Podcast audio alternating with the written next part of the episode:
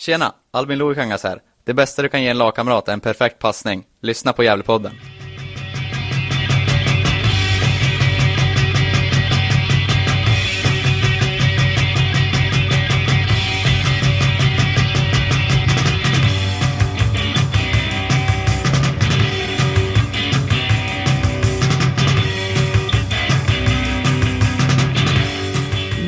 Hallå allesammans och hjärtligt välkomna till Gävlepodden nummer 171. Mitt namn är Andreas Ström och tillsammans med Niklas Backlund, Johan Norrström och Hugo Ådvall så gör vi Gävlepodden. Vi har också hjälp ibland av eh, vår vän i Örebro, Per Magnusson. I den här podden får vi först lyssna till en längre intervju som Hugo Ådvall gjort med vårt eh, nyförvärv Isak Lidberg. Där han pratar om eh, sin syn på Gävle IF, eh, om tiden i Hammarby och vad han har för framtidsutsikter. Efter detta får vi lyssna till ett långt snack som jag, Andreas Ström, hade med Hans Karstensen och Jimmy Morén. Där vi pratar om eh, matchen mot Kvarnsveden men också ställer nyförvärv mot eh, förluster på spelarfronten. Vi pratar också om eh, Mikael Bengtssons största problem, hur han ska få plats med de bästa spelarna i starttruppen mot Sollentuna den 5 april. Detta och mycket mer hör du alltså i Djävulpodden nummer 171. Är det så att du vill bli en Patreon till Djävulpodden och eh, stödja oss i vårt arbete? Surfa in på www.patreon.com Gävlepodden och skänk minst en dollar varje månad. Vi finns också på sociala medier som eh, Twitter, Instagram och Facebook. Sök på Gävlepodden där och eh, gilla oss. Med det sagt så vill jag önska er alla en trevlig lyssning. Ja, hallå fotbollsvänner! Säsongen 2020 närmar sig med stormsteg och den 22 mars kommer 1882-bloggen att släppa en unik satsning i och med att ett eh, fullmatat kompendium inför GIF-säsongen kommer ut. I denna unika satsning får ni allt ni behöver veta inför GIF-säsongen 2020. Vad sägs om långa och djupgående intervjuer, krönikor, tippningar, truppgenomgångar, spelarbetyg och en massa andra texter. Såklart både om herr och damlaget. Allt detta för bara 50 kronor. Med eh, avspark Gävle IF 2020 får ni till exempel läsa om Malin Rogströms tankar inför säsongen. Ja, det är inte guld och gröna skogar inför den här säsongen. Ehm, det kan jag säga. Det som vi hade med oss in i 2019 var ändå en del spelarförsäljningar. Det har vi inte med oss in i 2020 vilket gör att vi får jobba hårt på andra sätt för att få in pengar. Nyförvärvet eh, Lovisa Lennartssons målsättning. Man eh, kan förvänta sig av mig att jag ska ja, men ha, bidra med, med mycket. Alltså, ja, eftersom jag har spelat på en högre nivå. Sen så eh, tycker jag att man kan... Eh, vi ska helt klart vara ett topplag. Och jag tycker vi borde kunna ta oss upp en division också. Och det är båda A-lagstränarnas derbykänslor. Alltså jag älskar derby. Det är bland det bästa jag vet. Men det kan också vara det absolut värsta man vet när man åker därifrån och inte har vunnit det. Mm. Men det är en annan typ av känsla. Vissa spelare taggar till lite extra. Och på ett sätt skulle jag önska att den alltså glöden i spelarna fanns varje match. Men jag håller med Sara i det att, att en, ett derby är ju liksom, det blir ju någonting speciellt. Det blir ju med största sannolikhet mer, mer folk på läktaren. Eh, det betyder säkert historiskt sett någonting och det finns många saker i det där. Ja, Gävlevänner, surfa nu in på 1882bloggen.com för att läsa mer om den här satsningen. Det är klart att ni ska gå in och beställa det här kompendiet som eh, vår supertalang i journalistik, Hugo Ådvall, arbetar med. Så alltså, gå in på 1882bloggen.com och boka ditt exemplar redan idag. Ha det gott! Hej! Ja, börjar med att hälsa Isak Lidberg varmt välkommen till, till Gävle IF, men även Gävlepodden. Ja, tack, tack. Ehm, Kul att vara här. Ja, vi ska gå igenom eh, både det som har hänt tidigare i din karriär, men även eh, lite om första tiden här i GIF och eh, ja, framtiden, säsongen som kommer tänkte jag. Absolut. Eh, Men om vi börjar med, med hur, hur processen såg ut när, när du blev klar för Gävle IF. Eh, om du, om du beskriver den. Eh, ja, jag, det var väl kanske två veckor sedan som jag fick höra att, eh, om att Gävle var intresserade då. Så pratade vi lite så och sen åkte jag hit. Eh, träffade Micke och kollade runt lite här i klubben och, och han visade mig runt och jag fick ett väldigt bra intryck av, av Gävle som klubb och Micke som tränare och sen Ja, sen har vi väl förhandlat lite och sen så så kom vi i hamn för, ja när var det? I torsdags förra veckan eller något sånt. Så. Eh, fanns det några andra klubbar med i bilden eh, och varför blev det just Gävle IF? Eh, ja, men det fanns väl några klubbar men, men jag fick ett väldigt gott intryck av klubben och vi har bra förutsättningar här med arenan och gymmet och och sen mycket som tränare så kändes som ett ganska klart val Mm. efter det. Precis, den största liksom anledningen, eh, anledningen till att, till att du valde Gävle IF, vad var det som, ja, vad, var det som lockade här i den här klubben? Nej, men det är en ganska stor stad och sen tycker jag att alltså, klubben ska vara högre upp och den har bra förutsättningar. Och jag tror att jag kan få en, få en viktig roll här i klubben och hjälpa klubben framåt. Så det var största anledningen att man vill känna sig så, så delaktig som möjligt i en klubb. Det är just därför. Eh, det är tvåårskontrakt eh, som är påskrivet. Om du, om du berättar om, om det, varför, varför det blev två år? Jag vet inte, jag har inte tänkt så mycket över två år. Det kändes bara, kändes bara bra att vara här och sen det var, ja jag vet inte varför det blev två år. Det spelar inte så stor roll för mig. Det, Eh, och du är ju, vad, vad Micke och Gävle har sagt i alla fall, den, den sista pusselbiten i laget. Eh, den, den, den sista spelaren som har kommit in i truppen. Eh, nu under de här första dagarna då, hur, hur tycker du att truppen har, har varit och hur har de tagit emot dig? nej, de har tagit emot mig väldigt bra. Det, vi är ett skönt gäng och, ja, och vi har, det känns som det är väldigt bra lagkemi. Jag har ju bara varit här nu. Jag har gjort två träningar och en match. Och, så det är svårt att säga så men sen har jag hängt lite med, med grabbarna i laget och sådär. Så, så det känns bra. Det känns som att alla kommer bra överens och bra, bra kemi.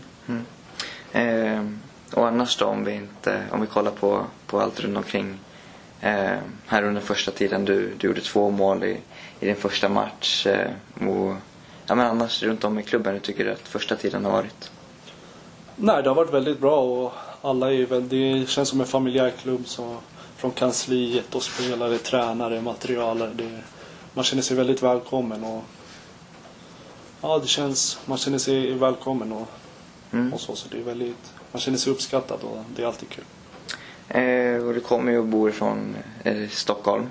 Eh, hur, hur ser det ut där nu? Kommer du att flytta permanent till, till Gävle? Ja, exakt. Jag har fått eh, lägenhet så jag flyttade in igår så så ja, det känns bra. Sen är det inte, sen är det inte långt hem om man vill, om man vill vara hemma någon dag och så. Så, så det känns väldigt bra att det är nära. Så det, Mm.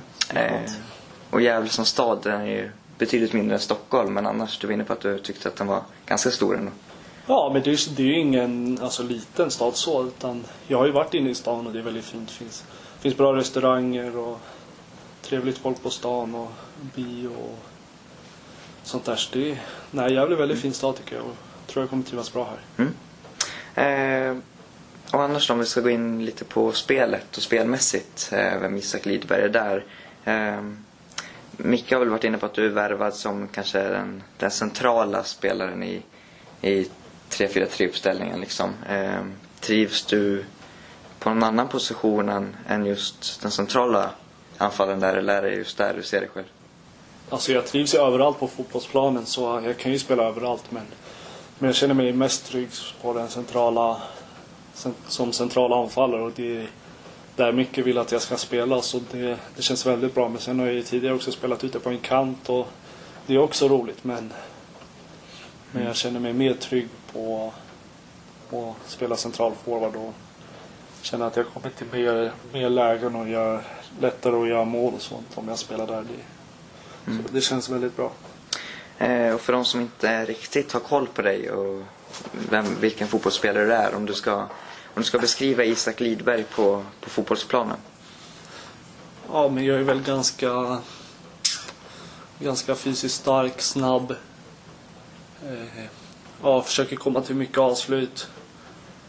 Eh, gillar att, ja, försöker alltid komma till avslut, vara i farliga positioner för att göra mål och hungrig att göra mål. Och, ja, det, det är väl där jag är som bäst tycker jag. Mm. Och utanför planen, vilken, vilken typ av människa är det där? Nej, men jag är väl ganska lugn så här. Lugn och i alla fall till en början men sen sen kan jag bli öppna upp mig lite mer och så. Men jag är ganska lugn och lugn och relax och Nu har du bara varit här en, en väldigt kort stund men eh, liksom vad, vad har du fått till dig av klubben och vad, vad tycker du är, är realistiskt att, att kräva av Gävle IF som, som lag den här säsongen? Vad, vad tycker du att man kan kräva av er? Eh, ja, det är en lite svår fråga eftersom jag bara varit med två träningar och spelat en match och jag har inte så här stenkoll så men och sen finns det ju i, i vår serie många andra lag som är väldigt bra. Speciellt Stockholmsklubbarna då, så, så det blir ju tuff konkurrens men, men självklart tror jag att och målet är att vi ska vara där uppe. Sen får vi, får vi se hur långt det räcker. Jag menar Micke är ny, det är många spelare som är nya så så man kan nog inte räkna med att allt kommer klicka direkt men, men så småningom ska det, nog, ska det nog bli riktigt bra tror jag. Mm. Som du säger, det är ju väldigt många både nya lag men även väldigt skickliga i den här serien. Eh, I år är det väl fler Stockholmslag än någonsin nästan. Ja, eh, det är väldigt många lag därifrån. Eh, ja, om vi bara går in snabbt på de lagen, där finns det spelare där som du känner? Jo, det är klart. Jag spelade ju BP förra säsongen och tyvärr så åkte vi ur. Så de är ju i samma serie och de ser Ja, de ser vassa ut tycker jag. De har ju de har bra spelare så de kommer bli farliga.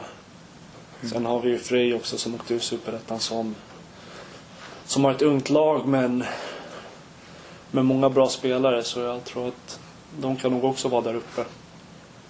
Och sen finns det ju Sollentuna också som har, som har värvat bra och som kan slå lite underifrån. Så, så att, ja, det är många bra lag som du säger och speciellt Stockholmsklubbarna ser, ser bra ut. Mm. Eh, ja, och realistiskt att kräva av, av dig som spelare. Eh, du, du är en målskytt, eh, gjort många lag i, i ungdomslandslag och ja, men, ja, du är en anfallare som, som gör mycket mål. Vad, vad kan man kräva av dig som spelare i år? Hur många mål vi- Ja, vill jag och hoppas, kommer att, göra? eh, hoppas att, eh, att man får göra lite mål och att ja, men man ska i alla fall kunna räkna med att jag, att jag ger allt när jag är där ute på banan och verkligen försöker och ja, våga bli lite skit under naglarna liksom för att, för att göra mål. Så har jag hoppas att, det- att det lossnar lite och att man får, får göra en hel del mål för vi har ett bra lag och sånt så det känns som att alla nycklar finns där för att, för att få en bra säsong personligen och, och som lag. Eh, jag tänker också som anfallare nu på försäsongen. Nu gjorde du två mål på bara 28 minuter senast mot, mot Kvarnsveden här i första matchen. Är det, är det viktigt att, att göra mål redan nu på försäsongen och liksom ta med sig en, den känslan in, in i seriespelet? Viktigt vet jag inte om det men det, det är skönt för självförtroendet och det, det är alltid kul att göra mål så. Men sen är det väl att, ja, nu har jag inte spelat på ett tag så det, det skönaste med träningsmatcherna är nästan att få komma in i matchtempot och ja, få den här timingen som man, som man bara får liksom när man spelar matcher så det är väl huvudsyftet av, av träningsmatcher men sen är det alltid skönt att göra, göra mål och få upp självförtroendet. Så. Mm. Eh, ja, och det är återigen här, det, det har varit en väldigt kort, kort period här. Men om du skulle beskriva Gävle IFs sätt att, att spela fotboll? Ja, jag har ju pratat mycket med Micke och vi vill ju spela, spela mycket fotboll liksom. Eh, driva matcherna som vi gjorde nu senaste matchen här. Och det, det är det vi lägger mycket energi, energi och tid på, på ute på träningsplanen. Så, så ja, vi vill ha, vill ha mycket boll och styra matcherna och komma mycket i djupled, komma runt på kanterna och, och såra motståndarna. Mm. Eh, om vi jämför med, med BP där du nu kommer ifrån då. Eh, finns det någonting där ni skiljer mot, mot BP? Ja, svår fråga. Skiljer. Det är klart att det skiljer, men vad är det som sticker ut? Jag vet faktiskt inte. Det är svårt att säga också. Jag har bara varit här en match, men ja, i BP där i början spelade jag mycket, mycket forward och då var det väldigt mycket djupled och, och så. Vi spelade en hel del, hel del långt. Så jag tror inte det kommer bli lika mycket mycket targetspel och, och djupledsspel så långt ner i banan som det kommer vara här. Så det tror jag kommer vara, vara den största skillnaden. Mm. Eh, och i ert spel här då, finns det någonstans där ni där spelet kan anpassa sig efter dig och i så fall hur? Ja, men så är det väl alltid att man ska försöka individanpassa spelet. Liksom. Om man har en, en spelare som är, som är bra i djupled så är det ju, som jag till exempel, så kan det ju, då är det ju bra liksom att spela lite djupledsspel. Liksom. Spela bollen bakom, bakom motståndarnas backlinje och så. så. Så där får man ju ha en kemi med sina lagkamrater också. Så därför är det bra att lära känna varandra så man vet, vet man vad man vill göra ute på planen. Så jag tror att det kommer bli en hel del eh, Ja, att jag kommer få löpa ganska mycket bakom. Som jag själv vill också. Och det är där jag känner att jag är som bäst i, i mitt djupledsspel. Vilken av, av dina nya lagkamrater har, har imponerat mest på dig hittills? Ja, jag känner ju faktiskt ingen förutom Tim. Eh, målvakten som jag vet, som vi spelade tillsammans i Hammarby och han vet det sen tidigare är en riktigt bra målvakt. Så förutom han skulle jag säga Jaja, mittbacken. Tycker jag är väldigt, väldigt lugn, trygg och bra med bollen ute på, på planen. Så det, det känns tryggt att ha han där, i, där bak i backlinjen. Mm. Eh, och Gavlevallen som arena, eh, din, din nya hemmaarena. Hur, hur, vad tycker du om den? Nej, väldigt fin. Vi har väldigt bra möjligheter här med, vad heter det, ja, med gym och träningsplan och, och så. Sen arenan är ju väldigt fin, kompakt så. Ja, väldigt fin arena. Din relation innan, innan du blev klar här med Gävle IF. Eh, mm, liksom, vad känner du till om klubben? Nej, man känner ju till att det är en, det är en stor klubb som, som har varit i Allsvenskan i många år och så, så jag har varit här några gånger med, med Hammarby och lite så. så ja, man vet ju att det är en, att det är en stor klubb liksom som inte hör hemma i division 1. Så, och en fin anrik klubb med, med hängivna fans och, och så. Mm. Eh, och trots din, din unga ålder på, på 21 år så, så är du ju ändå väldigt, väldigt meriterad för att ja, men för din ålder på den här nivån. Eh, flera ungdomslandskamper, eh, spelat allsvenskan och sådär. Eh, vad tror du att du kan bidra med i truppen? Nej, jag tror jag kan bidra med, med fina fotbollsegenskaper och försöka, försöka höja, höja tempot på, på träningar på match och, och hjälpa, hjälpa mina lagkamrater och stötta dem och pusha oss framåt. Så jag har, som du säger, jag har en hel del erfarenhet och har spelat i Allsvenskan, Superettan utomlands och så. så.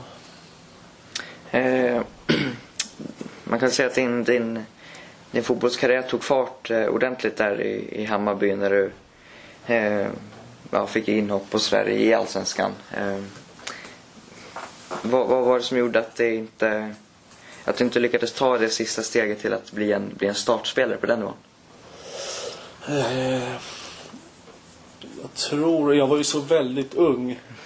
Men man har, man vill hela tiden framåt och sen när man känner att, att man inte riktigt kommer framåt snabbt så blir man lite stressad fast man egentligen är så ung så, så i efterhand kanske kanske man tänker att man skulle tagit det lite lugnt och slappna av lite men men även i den åldern så blev man stressad och, stressad och irriterad när man inte fick spela och så. Så man, ja, jag blev stressad och, och ville därifrån kanske lite, lite tidigt fast man, man skulle fortsätta träna hårt och, och kämpa på där kanske lite, lite längre.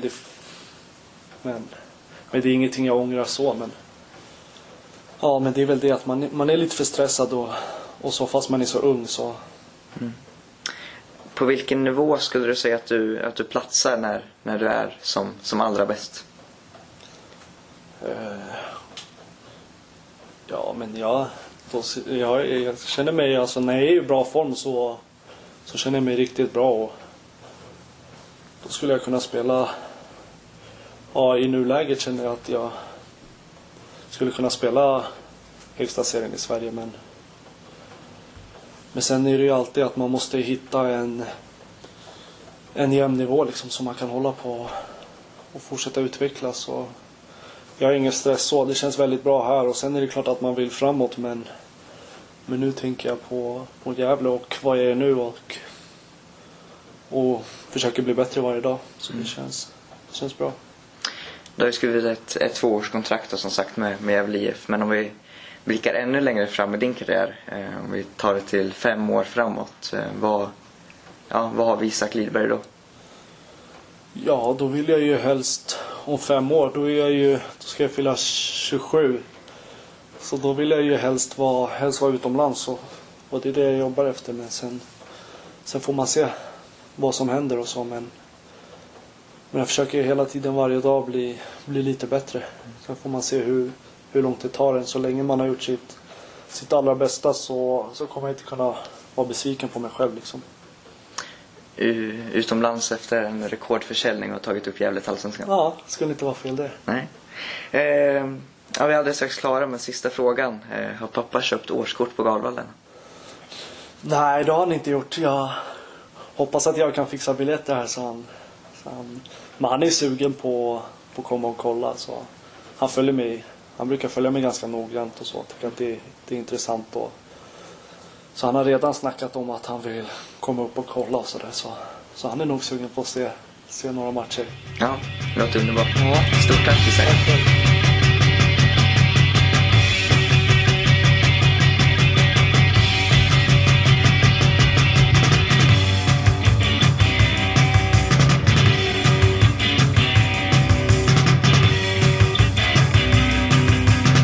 Ja, hallå allihopa och eh, hjärtligt välkomna till Gävlepodden nummer 171. Idag har jag med mig två välbekanta. Hasse Karstensen kommer tillbaks till podden. Tjena Hasse! Tjena Andreas! Ska bli kul det här. Ja, otroligt roligt att ha dig med. Eh, 50% av eh, Gävlepoddens skapare. Ja, det ska bli skitkul och det blir ju inte mindre kul av att eh, det man såg i lördags eh, mot Kvarnsveden. Alltså det ja, var roligt att se GIF. Mm. Eh, det ska vi prata om. Eh, jag välkomnar också Jimmy Morén. Tjena Jimmy! Tjena! Ja, det är, är det en månad sedan du var med nu? Mer va? Lite mer? ja, det var det. Tiden går så fort man jag har ingen aning. Ja, det var kanske en månad sedan. Ja, det kanske var en månad sedan. En och en halv, två. Jag, jag trodde du förde statistik Jimmy över när du är med sådär. jag, jag har konstigt rykte i Gävlekretsar. ja, vi, som jag sa så gjorde, gjorde ju eh, Norrström och Backlund en intervju med, med krigaren här eh, som just nu ligger ute för, för Patreons bara men kommer ut till, till allmän eh, lyssning snart. Och, och där fick du vara med på ett hörn också. Krigaren pratade lite om dig helt enkelt. Ja, då får man bli Patreon då. Ja, precis. Det är väl bara att slanta upp då så man eh, får höra. Ja, det är ju minsta, minsta är ju en dollar nu så det, det är ju inte så, det är ju inte så jättefarligt. Det kan han vara värd, krigan. Ja, verkligen, verkligen. Äh, det, var, eh, det var intressant. Han kör ju mm, ja, från 1882 till 1910 ungefär i, i det avsnittet. För, Mm. Förhoppningsvis så kommer det fler om eh, Gävle IFs historia. Men det var inte det vi skulle prata om nu. Eh, jag tänkte vi skulle glida in lite på, ehm, på matchen mot eh, Kvarnsveden som jag tyvärr inte har sett och du har inte heller sett den Jimmy, men däremot Hasse var på plats. Jag var på plats och eh, det var min första match i, eh, i vår, i år också. Där jag såg GIF. Eh, jag vet att ni har ju sett dem mot Sandviken och så och Josef vet jag såg dem mot Sirius och så. så att, men äh, jag blev väldigt imponerad av det jag såg för att det här var ju det jag saknat av oss av Gävle de två senaste säsongerna. När man får se en spelidé. Vad vill det här laget egentligen? Och det fick man ju se direkt att alltså det här laget vill springa. Det känns som att de har en överenskommelse om att man, är man inne på plan då är man e, en av de tio utespelarna, då springer man på allt alltså. Eh, för att det, jag har nog aldrig sett Chucho jobba hem så hårt och pressa så hårt som han gjorde den här matchen. Det, det, ja, det var väldigt eh, det var väldigt intressant alltså. Och jädra vad vi pressade. Det, det, det, vi pressade hårdare än vi gjorde mot eh, eh, än vi gjorde under Poja. Och, och därmed inte det att, att, vi, att vi alltid pressade hårt, vår första press alltid låg så högt. Eh, utan ibland så, så eh, mötte vi upp liksom vid, vid mittlinjen. Men när vi pressade så pressade alla i synk. Det var så jäkla skönt att se alltså. Det var inte det här eh, stå, det gamla Gävle, stå och titta liksom i sina positioner utan här var det verkligen, eh, här var det verkligen ligga nära motståndaren. Och så var det ju alltså när, när över hela planen, över hela planen låg vi nära Kvarnsveden-spelarna. Och sen kan man ju säga, jag vet jag pratar med andra GIF-supporter som har sagt att ja men det var ju ändå liksom det skilde en division mellan. Ja, så kan man säga men kan, mot eh, hade vi spelat mot Kvarnsveden eh, ja, som, med förra årets lag så, så hade det inte alls sett ut så här alltså. Och med förra årets eh, tränarduo och sådär för att ja, det här såg jäkligt imponerande ut alltså. Man kan väl tillägga det att vi, vi spelade oavgjort eller förlorade mot eh, Hudiksvall va? förra, förra, förra ja. försäsongen och då. Eh, det är ju på samma nivå som, som Kvarnsveden ligger så att eh, ja. Jag tänkte bara att jag skulle liksom gå igenom, vi, vi, vi ställde upp lite med ett B-lag ändå, alltså med, med reserverna kanske. Och då tycker jag det är ännu mer imponerande att man vinner med, med 5-0. Ja, eh, och, och, grejen är att vi hade kunnat vinna med 10-0. Vi skapar så otroligt, vi skapar nästan fler chanser i andra halvlek än i första halvlek. Så att eh, det, det, och sen släppte vi inte in no, vi släppte inte till dem någonting alltså. Vi, vi, vi stängde ner allt. Eh, och, och jag menar, tänk på jag, menar, jag har sett många matcher i Svenska Kuppen och det är, alltså, det är ändå försäsong. Det känns ganska så här skakigt på många håll. Så att, äh, jag, jag är jäkligt imponerad av, av det här Gävle IF. Men vi kan köra startelvan. Ja, man ställde upp med, med William Lindqvist i, i mål där. Eh, och så hade man ju faktiskt en, vad jag förstår, en fyrbackslinje va? Eh, med Jakob Ejeblad, eh, Jaja, Kevin Persson och eh, Albin Luekangas. Eh, och sen på mittfältet hade du Adrian Haranen, Oskar Karlsson, Chichu, Berggren, Friman och så var väl eh, Isak Lidberg eh, ensam forward vad jag förstod. Ja, så var det. Eh, Måns Berggren och Chucho är ju, fungerade, fungerade lite i pocketrollen den här matchen. Och eh, ja, de gjorde det väldigt bra där. Alltså, ibland blev det lite att de, över, att de överarbetade situationer men det kändes som att de fick använda sina styrkor. Alltså, de är bra på att hålla undan motståndare, bra på att täcka boll, de har bra teknik och, och, och kunde vrida och vända och hitta vinklar och sådär. Så att, ja, det... det eh, och Chucho kom ju upp på, på ett väldigt fint inlägg där och gjorde om det var 3-0 målet på, på inlägg från Jakob Ejeblad där. Så att, eh, vi, alltså, vi, vi spelar ju lite, alltså vi spelar ju den här moderna eh, sarri-fotbollen nu när liksom mittfältarna är forwards också. Fyller man på så fyller man på liksom. Eh, så att, så att i, i, anfall så var vi ju var vi ju fler forwards. Vi var ju ganska många i straffområdet. Det var inte som förra året ibland man undrar liksom, varför är det bara Grace som är i straffområdet när vi anföll. Nej, intressant alltså att höra och, och och um, att det är sånt, sånt go och sån, sån fart liksom i, i pressen. För det eh, kändes som jag och Norrström blev två papegojor förra året där vi hela tiden klagade på det här med pressen. Att det var en som pressade och så de pressade liksom inte som ett lag eh, i fjol. Och eh, det, är ju, det är ju härligt att, att höra att det eh, Även då om det är Kvarnsveden som står på andra sidan men att det finns liksom mm, att det känns som att de kommer överens om att det är det här vi ska göra. Liksom. Att det finns en röd tråd. Ja, det var väldigt intressant med backlinjen också där. Jag, vi, jag, jag eh, chattade ju lite med er under match där. Eh, och eh, för att vi, vi spelade ju fyrbackslinje i första halvlek, eh, trebackslinje i andra halvlek. Fyrbackslinje i första halvlek, men sen så när vi anföll, då var ju, då var ju Louis Kangas och eh, eh Jakob Ejeblad var ju wingbacks. Då, så då hade vi tvåbackslinje när vi, när vi anföll. Då. Och då var, det ju, då var det Kevin Persson och Jaja som var kvar där bak. Eh, och eh, Jaja, i trebackslinjen så kom Jaja till höger eh, när, när Norén kom in i andra halvlek där. Och eh, han var mycket bättre där då. Ja, han, han, jag tyckte inte, han funkar inte riktigt centralt där. Han, eh, det är någonting med det att han, han kan inte han kan inte ta upp bollen när han är central. Han kommer inte in i spelet men, men eh, när han hamnar ute till höger där i en trebackslinje så funkar det mycket bättre. Han slog några riktigt bra crossbollar, alltså diagonalbollar. Eh, ja, klockrena faktiskt. Intressant. Eh, där har vi ju det här problemet som vi har som jag pratade om, hur man ska få plats med, med Norén, Jaja och eh, Sebbe Sandlund samtidigt. Nu var ju Sebbe inte med i den här matchen alls, men eh, eh det är ju någonting som vi har diskuterat ibland. Ja, Nej, precis. Jag, jag har ju förordat eh, fyrbackslinje, att vi skulle spela med fyrbackslinje förra året. Eh, I och med att vi har Jaja och Norén som är antagligen eh, ja, division 1 bästa mittbackspar. Sådär. Men, men eh, ja, vem är jag att utmana Micke Bengtsson? Micke verkar ju ha liksom en otroligt tydlig idé om hur han vill spela. Eh, så att eh, det är bara att köra på. Alltså en som imponerar, det är Adrian. Adrian Bjelkendal Haranen. Alltså det...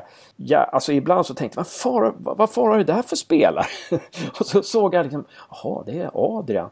Eh, för jag har ju följt honom sedan han var ja, ganska ung. Och han, liksom Albin Luikangas alltså och Chucho. Chucho är 97 och, och eh, Albin i 98. De två, de har ju alltid varit bäst liksom i sina lag. Albin, han gjorde ju vad han ville. Han dribblar ju genom hela lag och sådär. Medan Adrian, han har liksom fått eh, jobba för... Jag trodde aldrig att han skulle komma så här högt upp. Och, alltså, jag tycker nästan att han var vår bästa spelare i, i lördags. Alltså, det han, han, han, gör, han gjorde väldigt många bra grejer. Både defensivt och offensivt. Alltså, det är som, jag inte trodde han var kapabel att göra. Alltså, ja, det, det, hatten av alltså. Ja, men det, det är ju roligt att höra också eftersom eh, den spelare som, som fick mest kritik förra året var ju, var ju Adrian. Liksom. Eh, och då är det ju skönt att höra att han, att han kanske kan ta med sig erfarenheten från den säsongen och, och eh, utvecklas ännu mer den här. Ja, det, det, är jättekul. Jag är lite osäker på hans position och sådär men, men, men, eh, men det, det är ju säkert inte Micke och han själv. Så det, det, men, men han spelar ju centralt på mittfältet och, och är, det är fruktansvärt bra alltså. Fruktansvärt bra. Och sen så Isak Lidberg. Jädrar, alltså där har vi ju en... Äh, här är ju liksom en gammal center centerforward, en gammal, här är ju liksom en gammal, det här är ju en Gunnar Nordahl, Hasse Berggren, Matte Werner, typ liksom som bara går in och mörjer alltså. Han är ju, han är, fy fara alltså. Han är inte lätt att försvara sig mot. Stark och stor liksom. Så att, Men jag, jag läste det i, det var väl i GD där intervjun där att han, eh, han har ju hållit på med brottning och tränar med, med pappa och, och sådär. Så att eh, ja, det kan ju vara en bra egenskap att vara lite brottare på, på fotbollsplanen. Ja, precis. Precis. Det är, det är otroligt imponerande alltså. Det, det, det, ja, det, det, det var faktiskt... Eh, ja, det var, och sen så kom Granat och Näsholm in i andra halvlek. Eh, väldigt bra spelare alltså. Det var, det, det, där kändes det som att eh, det, det, var, det var så här spelare med låg tyngdpunkt. Det var lite Voxlin-vibbar där faktiskt. vet, Näsholm kom in istället för Sebastian Friman. Friman fick jag inte någon riktig uppfattning om där. Han, han är säkert habil och det är en av Jimmys idoler där så att eh, han blir säkert bra. en av mina Jag tror aldrig jag sett honom spela. Nej, men du, du jublade ju när vi värvade honom. Så att... Nej, Granat. Alltså var det Granat du jublade över? Okej. Okay. Granat, man... absolut. Han har ju suttit i Allsvenskan och tyckte han var bra i Allsvenskan. Och såg han ju flera matcher i Team TG förra säsongen. Och jag, jag gillar liknelsen med Voxlin. Låg tyngdpunkt, offensiv eh, poängspelare. Voxlin kunde väl i och för sig spela tvåvägs. Jag tror Granat kanske lite mer offensiv läggning. Men, men eh, annars rätt lika i speltypen. Bra driv med boll. Verkligen. Explosiv. Ja. Det, det... Men jag tycker ändå det är intressant att eh, förra året Tim Tege så jag vet inte, han gjorde ganska många mål, va? sju mål. Men han, han har ju noll assist då, vilket förvånar mig väldigt med, med den, de egenskaperna han, han har. Att han, ja. han inte lyckas göra några assist förra året. Men jag, jag vet inte vad han alltså, hade för roll liksom. Jag tror man ska liksom kolla på vad Tim Tege hade för lag. De, de ställde upp, de, de kom ju till Gavlevallen med 13 spelare tror jag. Jag tror de hade en avbytare. Ja. Eller om det var 12 en avbytare tror jag de hade på bänken. Så att Granat, att han lyckas göra, var det inte fler mål? Jag tror jag gjorde nio mål. Ja okej, okay. det kanske var. Ja, det, är ganska, det är ganska bra gjort i det där laget. Där han, ja. han bar ju upp det där laget mer eller mindre ensam. Mm. Sen är jag lite nyfiken Hasse på, på Oskar Karlsson och, eh, och, och, och Adrian Run, Runald heter han va? Runald. Eh, vad du såg av, av de två eh, ja, juniorerna? Ja, Oskar fick jag inte så mycket uppfattning om faktiskt. Alltså jag, jag tyckte det, ja, jag ber om ursäkt Oskar, men, men eh, du, får nog, du får nog spela lite mer för att jag ska kunna bedöma dig. Det kan ju också vara för att jag är för dålig på att analysera fotboll. Men, men eh, det, det, det, ja, det, det, var inte så mycket som stack ut där liksom. Gjorde ett habilt jobb, men, men eh, eh, ja, gjorde inte bort sig liksom. Det gjorde han ju inte. Jobbade hårt och sådär. Eh, vilken var, vem, vem var det mer du frågade efter? Eh, han Adrian eh, Runald. Han kom in istället för Schutz i 71. Precis. Gjorde 5-0 målet. Precis. Han hade fler chanser faktiskt och han spelade hjältes tröja. Så först tänkte jag, fasen har hjälte klippt det? Liksom. Eh, men så såg jag att de har tejpat över namnet där på, på, på tröjan så att, ja, okej, då, då såg jag att, att eller då förstod jag att det inte var hjälte. Och han, är, han är, kommer ju spela med Sandvikens AIK mm. Eh, den här säsongen. Men eh, eh, tränar ju, kommer ju träna lite med Gävle IF och de vill ju följa honom så. så att, eh, och det är möjligt att, jag vet inte hur det fungerar mellan division 3 och division 1 om det är så att man får låna in spelare vid behov och sådär. Men de följer honom, han kommer också träna med Gävle IF under säsongen, har jag hört. Ja, precis. Hugo har ju haft de uppgifterna också att han, att han, eh, ja, att de inte vill släppa han riktigt Gävle utan de tycker att han är en intressant person. Han, jag tror att han eh, avgjorde eh, DM-finalen förra året mot Sandviken för, för U19 tror jag. Adrian Runald. Så att, det är ju en intressant spelare tycker jag. Han verkar ju vara en måltjuv. Ja, verkligen. Alltså, han är, det är ju lite Lidberg-vibbar där. Stor och stark alltså. Kändes teknisk också och han tog för sig. Ja, det var, det var verkligen... Nu, nu, här kan man ju liksom då... då alltså, nu spelar vi slut, slutminuterna mot Kvarnsveden. De har säkert inte lika många matcher i benen som GIF och där, där finns det lite varning för, för, för att man, man kanske måste hålla igen lite där men, eh, med, med, med beröm och sådär. Det, det är kanske inte någon värdemätare egentligen där men nej, jag, jag fick väldigt bra vibbar av honom alltså. Det, det ja, övera, överraskad. Överraskad verkligen. Det, det som känns den här säsongen är att vi är ett lag. Va? Alltså det, det, det, det känns som att vi sitter ihop. Det, det är ingen det är ingen distans mellan lagdelarna utan det höll ihop jäkligt bra alltså. Alla verkade veta sina roller och det är jag förvånad över. Vi fick ju in Micke ganska sent som tränare men ja, det, det verkar... Det, ja, sitter ihop otroligt bra. Kevin Persson också, jädra bra alltså. Ja, han, var, han var väldigt bra.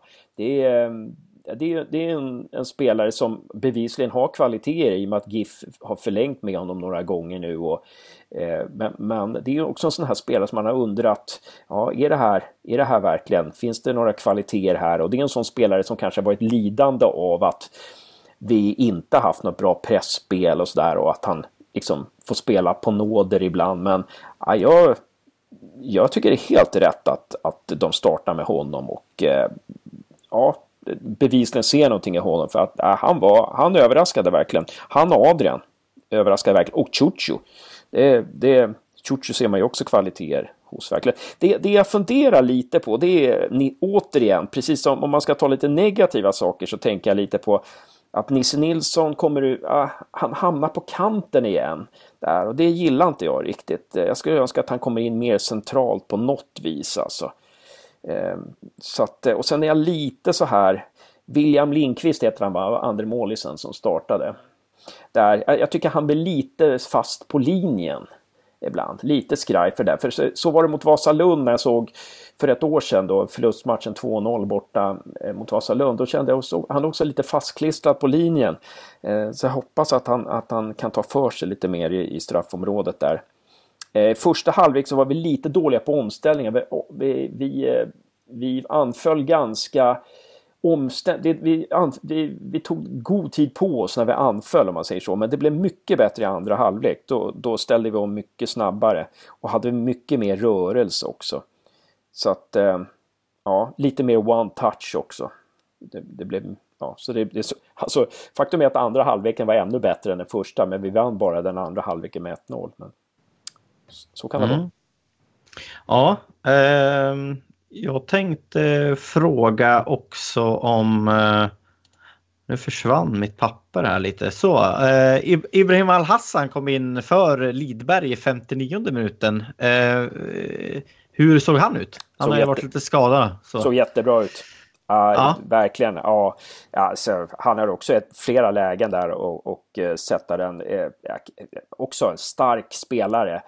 Uh, jag vet inte hur pass snabb han är, men han såg väldigt stark ut teknisk och det är en sån spelare som lossnar för honom kommer han göra massor med mål alltså. Bra tillslag på bollen.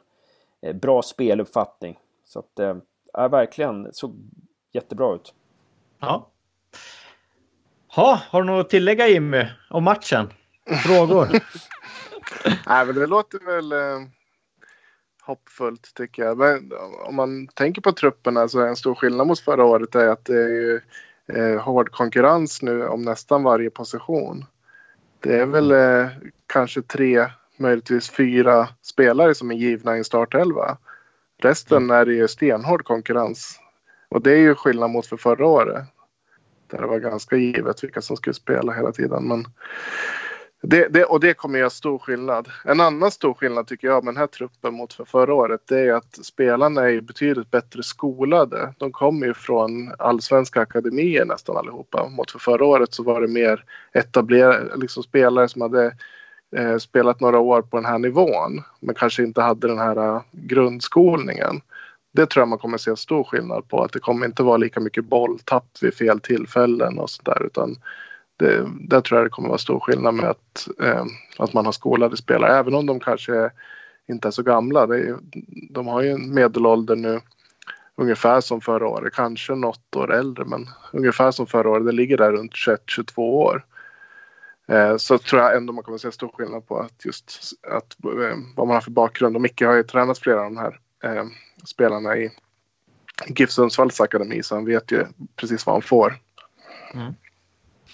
Jag, jag är också ganska nöjd alltså med truppen. Så. Det jag ser och blir lite orolig över det är väl de eh, ytterpositionerna där, eh, där Louis spelar och där Nisse nog kommer att spela. Eh, där tycker jag att det är lite, lite svagt och det, det är mycket för att jag hade gärna haft Louis nere i backlinjen med hans i trebackslinjen med hans uppspelsfot. Då. Men mm. jag vet inte vad ja, ni Jag håller med helt om det.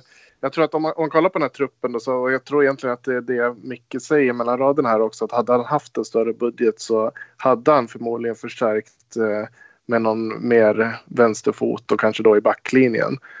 Som det är nu så är det väl bara Måns är vänsterfotad och Albin är vänsterfotad. Men Jag vet inte om Sebastian Friman kanske också är vänsterfotad, men annars så är det väl inga vänsterfötter i hela truppen. Va? Så att, eh, och speciellt ingen defensivt. Det gör ju att det blir lite begränsat i uppspelen. Även om, oavsett om man spelar med trebackslinje eller fyrbackslinje kanske då kommer ju Albin spela vänsterback där i en fyrbackslinje i så fall. Men mm. annars blir det, en trebackslinje blir ganska begränsat då med uppspelen. Man behöver en bra uppspelsfot och nu så kommer det vara tre högerfötter i, i backlinjen med all sannolikhet. Mm. Ja, sen, sen, är det ju så här att eh, när man pratar med, med fotbollsscouter som vi har gjort lite nu i, i taktikpodden så, så är det ju den position som är svårast att få tag på, spelare till, det är vänsterfotade försvarsspelare. Det, det, är liksom, det finns, ot, finns massor med mittbackar, men vänsterfotade försvarsspelare är, är, jätte, det är, det är liksom en bristvara. Ja, Frej Engberg hade varit bra kvar. Kan man ju ja. säga med facit i hand då. Ja, precis.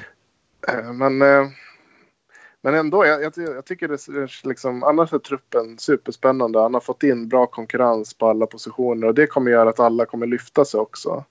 Eh, tillsammans med att de har ett år då, de flesta spelarna i stommen har ju ett år tillsammans då i division 1. Har blivit ett år äldre. Det kommer också göra enormt stor skillnad. Mm.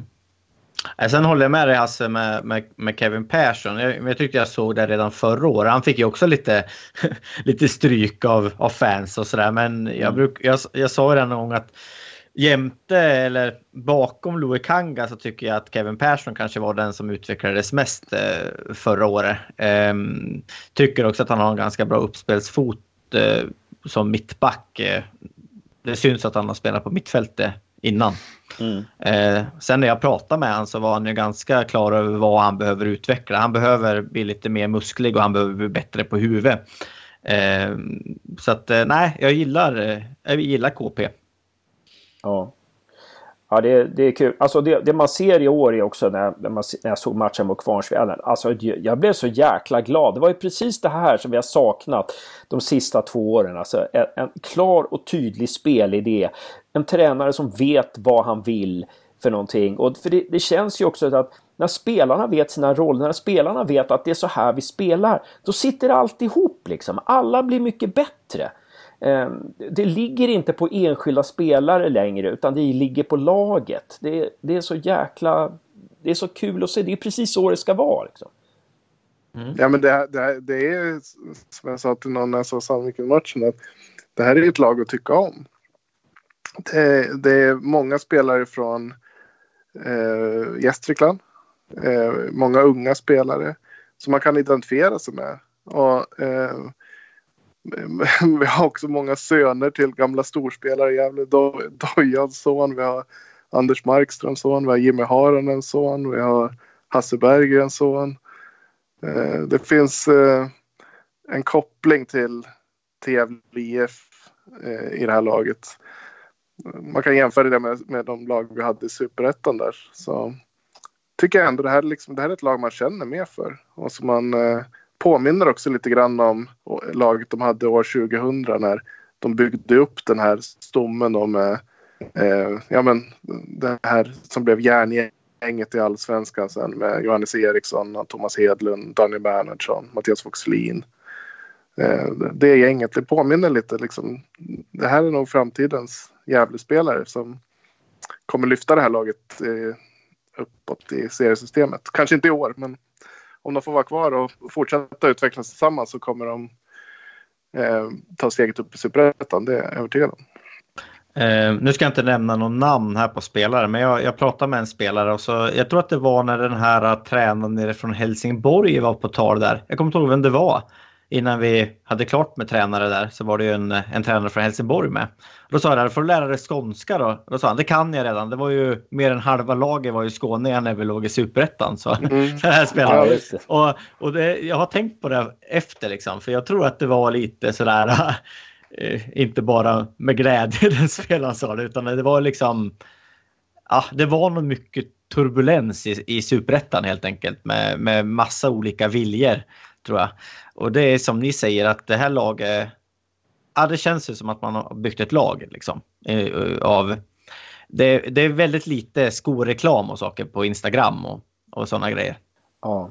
Från spelare i det här laget. Och det kändes väl som, som när man hör Jake McGuire till exempel uttala sig, jag gick till Gävle bara för att jag skulle visa upp mig för andra lag sådär.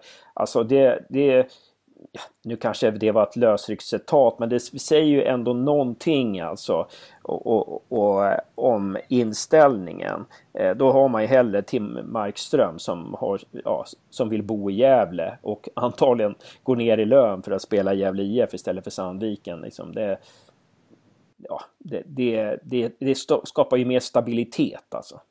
Ja, och sen, sen är det ju det uttalandet från, från Jake då att, eh, att vi, vi, visste båda att det bara skulle bli ett år, att jag bara skulle visa upp mig. Och de har ändå skrivit ett plus ett års kontrakt. Och det där har jag varit väldigt kritisk till, vilket jag är väldigt positiv till nu att man faktiskt går ut med med kontrakten. Och man faktiskt kan se att ja, men den här spelaren har ett år, den här spelaren har två år. Och det blir ju eh, Eh, det blir mycket, mycket bättre för oss också när, när det blir öppet och jag vet inte, det tycker det blir liksom eh, vad ska man säga, man, man blir mer transparent liksom från, från klubbledningens sida mot, mot oss eh, fans. Och det, eh, jag vet inte, det, jag tycker det bygger någonting också. Men man ser ju vad viktig en tränare är. Alltså en tränare som kommer in som, som gör så att spelarna väljer klubben. Det är ju så många nu som vi har värvat som säger att ja, jag kommer hit för att Micke Bengtsson är här. Är, och det, är, ja, det är ju superviktigt alltså. Och han blir ju, det är många som har som, som är från trakten, men de som inte är det är ju liksom här för att Micke är här. Och det skapar ju också en, en känsla en vi-känsla på något vis. Att de känner varandra eh, och så vidare. Det, det är ju det, Alltså att lära känna varandra, det är ju en del av framgångsfaktorn. Och om de redan känner varandra så är det så otroligt mycket vunnet alltså.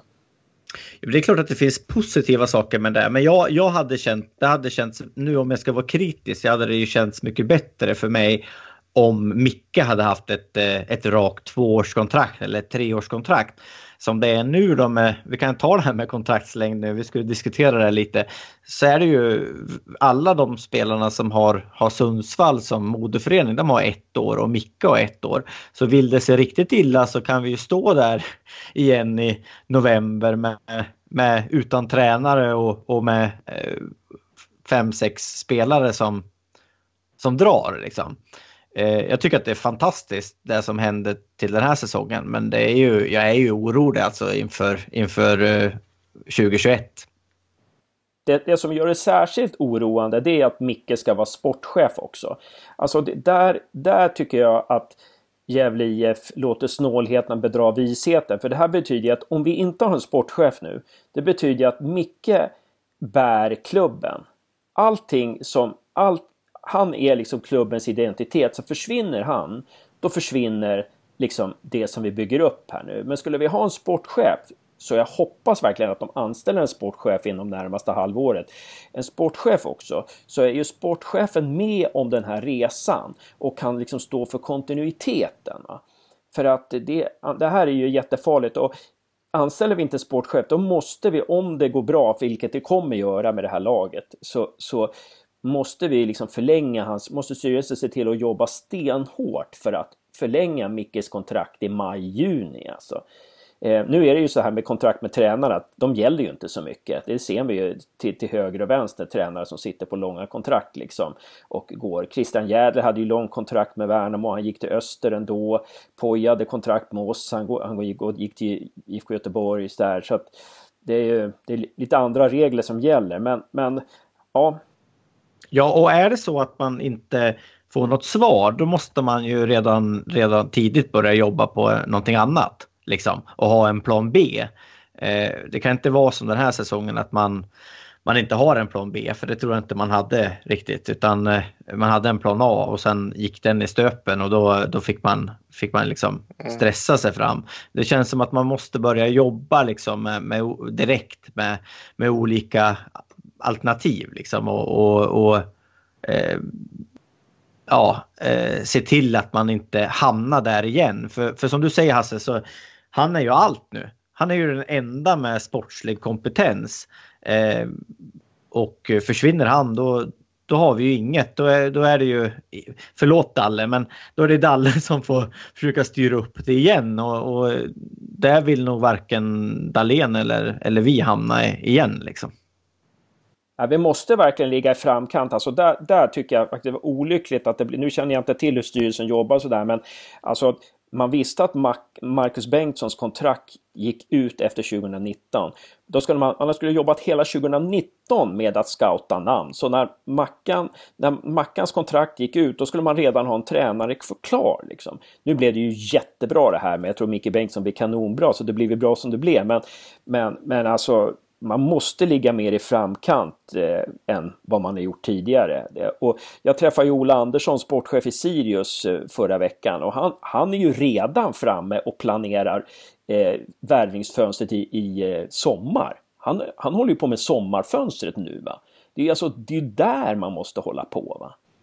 Mm. Ja men det, är ju, det blir ju svårt alltså när liksom, eh, han, eh, han har sportsligt eh, ansvar, han är sportchef, han är tränare, han ska planera, han ska liksom till och med eh, ner i juniorlagen och, och snacka där. Och det blir ju väldigt svårt då att få någon tid över till att åka och scouta spelare. Liksom. Eh, och sen har vi en assisterande som också är tränare för U19. Liksom. Så att de sitter ju liksom på, på flera poster och då, då, det är klart att ekonomin tillåter kanske inte mer men jag tycker att man skulle bygga ut scoutverksamheten med, med kanske ideella eh, krafter då, som eh, jag vet att Östersund, nu är ju Östersund väldigt utskälld men deras scouting var nog bra. Nej men som de jobbade liksom och, och, att man ja, försöker bygga det på något annat sätt liksom. Mm. Ja men jag håller med i det ni säger. Jag tror att eh, Mickes kontrakt, det har nog mycket att göra med hans boendesituation och eh, han vill nog testa det här ett år och känna hur, hur det känns med familjelivet och ha de här arbetsuppgifterna i Gävle. Och sen tror jag det kan ha varit lite olika skäl till att det blev ettårskontrakt för GIF Sundsvallsspelarna. Om man nu ska kalla dem för det. Erik Granat tror jag att det var ekonomiska skäl. Att Eh, han är för dyr helt enkelt. Han hade man bara, kunde man bara få ett år. Han kan mycket väl försvinna efter ett år också och vill hålla eh, möjligheten att spela högre upp öppen. De andra spelarna tror jag har skrivit korta, korta kontrakt för att de är knutna till Micke så att säga. De, de vet inte hur den här klubben ser ut efter ett år eftersom Micke inte, eventuellt inte är kvar då. Så, så jag, jag, tror att det har varit lite olika skäl men om man tänker på Friman och Näsholm och Nils Eriksson så är det ju säkert för att eh, de är eh, Mickes värvningar och han vill inte knyta upp dem längre om han själv inte blir kvar och kanske för deras egen skull också. Ja, Näsholm sa ju det i en intervju med Hugo där att eh, jag ska göra en kanonsäsong och så ska jag skriva nytt, sa han på en gång. Så där ja. lät det som att han, ja, han ville ner och testa ett år i, i Gävle, se att man höll på den här nivån och, och ja, att Gävle fick liksom stifta bekantskap med honom och han med klubben. Och, och, men det var ju bara, det lät ju bara positivt liksom i, i intervjun med honom. Som att ja, men jag ska göra en kanonsäsong och sen ska jag skriva på ett nytt kontrakt. Liksom, på mm. frågan varför det bara blev ett. Då. Så det lät ju det lät ju positivt så. Jag tycker att han verkar ja, vara en spännande jag, jag, spelare också. Så att... Ja, jag, jag, tror också att det finns ju en chans att alla de här blir kvar och att eh, Micke förlänger sitt kontrakt. Det är nog inte omöjligt utan jag, jag, tror inte det är så att han har tänkt vara här i ett år utan det är nog en eh, fråga om familje och boendesituationen som gör att han vill testa det här ett år och fungerar det bra så finns det nog alla möjligheter att han fortsätter. Mm. Och sen är det ju så också att även om spelare nu när de går har mycket, alltså det är honom, så kan det vara så att om man spelar i klubben ett år så får man känslor för klubben, staden och, och allting runt omkring också. Så att eh, ja, vi får väl, får väl se. Får se. Eh, jag tänkte, ska vi gå över på, eh, på nyförvärv och förluster? Eh, jag gjorde en liten sån här grej då jag ställer ett nyförvärv mot en förlust. Och så kan vi diskutera lite runt ja, vad vi liksom tycker. Eh, om, typiskt om... supporterperspektiv. Precis. Eh, inte ska så... vara procent också. ja, precis. Eh, inte så mycket så här statistiskt som du brukar jobba med, men eh, mer så där känslomässigt kanske. Eh, men vi börjar med Tim Markström mot eh, Jake Maguire då. Eh, har vi fått in en bättre målvakt? Ja, det tycker jag definitivt. Eh, av flera skäl. Dels, dels tyckte jag att Jake Maguire var eh, lite osäker. Han, han, var, speciellt i början på säsongen, när han var ute och dribblade med eh, och tappade bollen vid några lägen och släppte in eh, mål på det viset. Jag, jag, jag, tycker inte han var stabil helt enkelt. Han gjorde fantastiska räddningar och stor potential. Har ju, ja, men han, han är ju en eh, har ju bra räckvidd, bra spänst, atletisk, bra reflexer och sådär. Så han kan säkert gå långt. Men mm. jag hellre, har hellre en målvakt som räddar, gör lite färre tokräddningar men som är stabil. Som. Hugosson. Mm. Till exempel. Precis. Som, som eh, man visste vad man hade. Eh, och som kunde styra försvaret. Och sen, sen ska man ju komma ihåg att Tim är ju då åtta år äldre mm. än Jake McGuire, vilket kommer betyda enormt mycket i det här laget. Och mer erfarenhet. Så att, eh, jag tycker det där är ett eh, steg upp. Sen ska jag bevisa det också, men det, det fanns ju skäl till att Tim inte levererar på den nivån han har gjort tidigare under förra året. Som alla känner till. Va? Så att, eh, nu tror jag att han kommer få en ny start här i Gävle och kommer göra en bra säsong. Men det är upp till bevis också naturligtvis. Men jag är helt övertygad om att det här är ett, eh, en, ett uppköp för Gävle. Mm. Ja, sen, sen tycker jag att Markström kanske har, men det kanske har med åldern att göra också, att han, han är en, en större ledartyp än, än vad Jake är. Jag tror att det, det är svårt också när man kommer in på en nyckelposition som målvakt är och så är man inte, kan man inte svenska heller och så ska ja. man liksom uttrycka sig så, så. Så tror jag att det fanns en osäkerhet där också när det kommer till, till Jake, vilket Eh, det är ju klart att amerikanska målvakter eh, kan vara lika bra som svenska. Men alltså Tim har en, jag har ju varit i närheten av båda de här och gjort intervjuer. Och Tim har ju liksom en, en gloria skulle jag säga på något sätt. Man mår jävligt bra i hans sällskap liksom. Eh, jag kan inte säga att jag mådde dåligt i Jakes sällskap men det var inte liksom samma den här eh, jag vet inte, det är svårt att förklara men, men jag känner Tim har liksom, han har ledaregenskaper, han är det är liksom skönt att vara runt honom på något Han tycker jag sätt. känns som en, en given lagkapten i det här laget. Nu ja. ser det väl ut som att det blir Sebastian Sandlund, i alla fall sett efter träningsmatcherna här. Men jag tycker det känns som att givet att Tim kommer att ha den liksom, ledarrollen i det här laget. Han är liksom nästan tio år äldre än den som är näst äldst. Alltså, mm. ja, I alla fall åtta år. Mm. Eller, eller så är han lagkapten ändå. Han har liksom en kaptensroll så han behöver inte ens ha bilden för att ha kaptensroll. Precis, då får man två lagkaptener om man gör någon annan till kapten. Mm. Mm. Ja, men jag tycker också det här med alltså, Tim Marks. Alltså, om man säger så här. Det var någon tränare som jag pratade med som sa liksom. Men matcherna. Det är ju egentligen. Det är ju inte så. Det är ju en liten del av säsongen. Den mesta tiden då umgås man ju liksom utanför, alltså utanför planen och på träningar. Va? Eh, så att matcher är ju liksom, Jake var väldigt, kunde göra idioträddningar. Eh, jag tyckte han var jättebra. Jag tyckte han, var en av de bästa målvakter föreningen har haft. Men som sagt, han gjorde lite konstiga grejer. Men, men just det här med det psykologiska utanför plan tror jag är ovärderligt. Alltså. Eh, så att jag håller helt med er där. Jättebra. Ett uppköp, helt klart. Eh, ja, om man ser till helheten så är det ju klart mycket bättre. Ja. Ja, det är 1-0 till nyförvärven då helt enkelt. Eh, vi går vidare. Det här är lite taskigt mot Jakob Hjälte, men jag har ställt honom mot Isak Rojas. Eh, mest på grund av att eh, jag hittar ingen annan att ställa honom mot. Ehm, eh, och det tycker jag ju att eh, kanske Isak är en, en bättre fotbollsspelare där. Ehm, jag håller lite fast med det här med Jakob fortfarande att jag Eh, jag tycker att det är konstigt att han går till, till Gävle IF. Eh, han har suttit på bänken i, i Sandviken ehm, och vi hade inte klart med någon tränare när han skrev på för, för Gävle.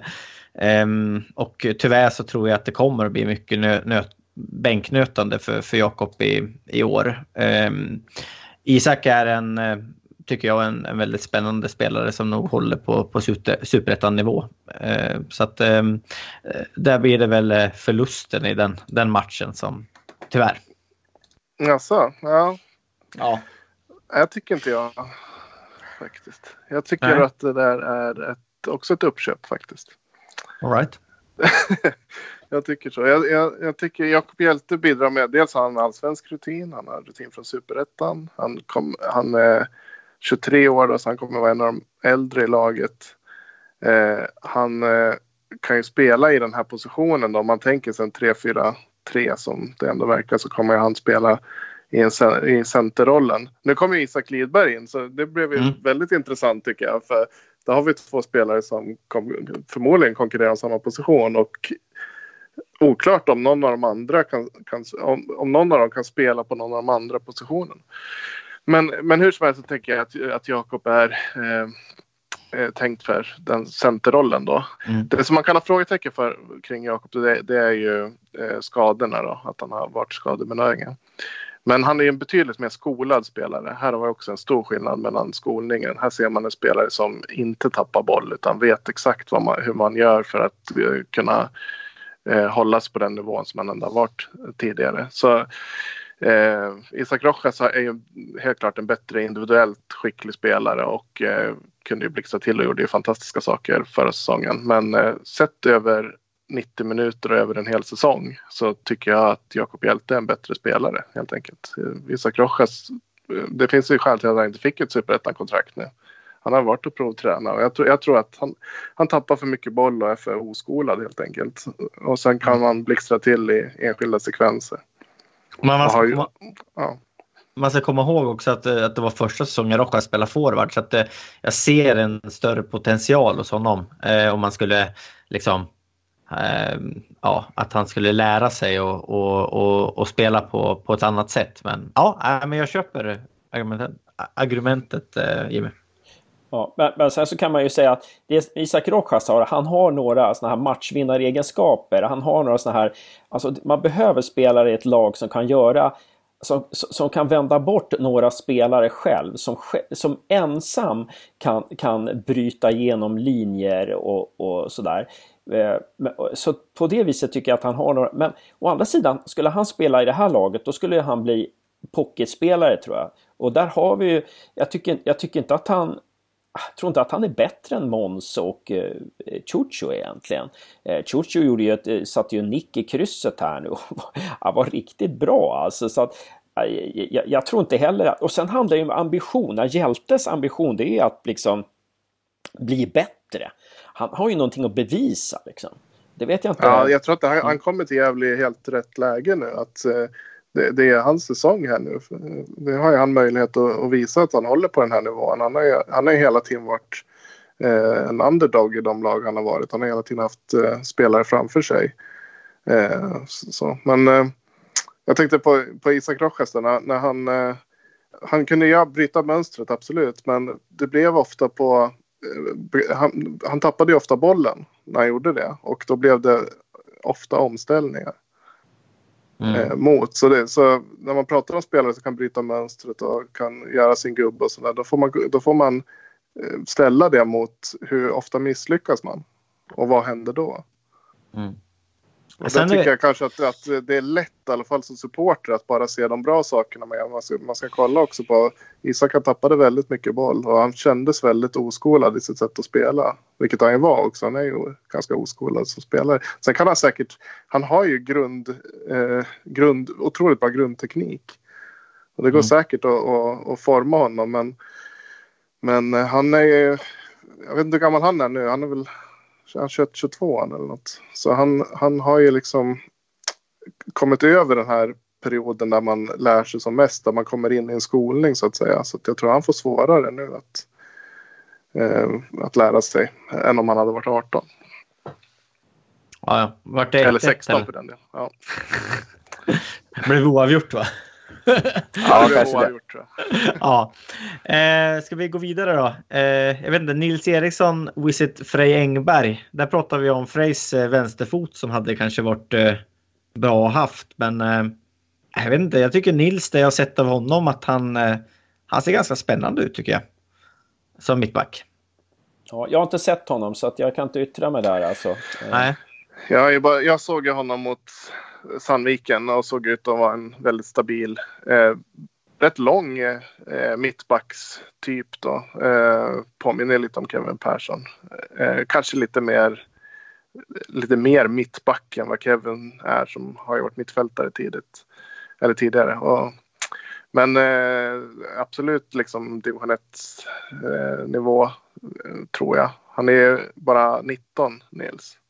Mm. Så han kommer ju vara en av de yngre i laget. Men såg ju riktigt bra ut. Ska man ställa honom mot Frej Engberg då så tror jag ändå att han hade som sagt behövts. Det hade behövts en vänsterfot i backlinjen och eh, Frej var ju när han Frej hade ju problem eh, eh, förra året lite med sjukdom och annat som gjorde att han inte kunde spela hela säsongen. Men när han spelade och när han var fit for fight då var, då var han väldigt bra. Han, tapp, han var också en sån där spelare som inte tappade bollen utan vi kunde behålla bollinnehavet eh, eh, med honom. Han, han eh, var inte den snabbaste spelaren i serien kanske men han var han, han hade en nivå till i sig tror jag. Eh, och, och skulle absolut klarat att spela på en högre nivå.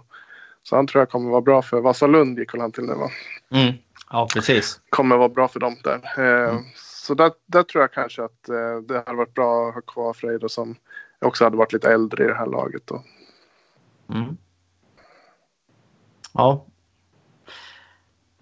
Ja, jag, jag håller med. Eh, sen är det svårt, alltså jag har inte sett Nils eh, jättemycket men jag, jag har ju samma uppfattning som du. Han såg stabil ut och jag tyckte han verkar ha en bra passningsfot också.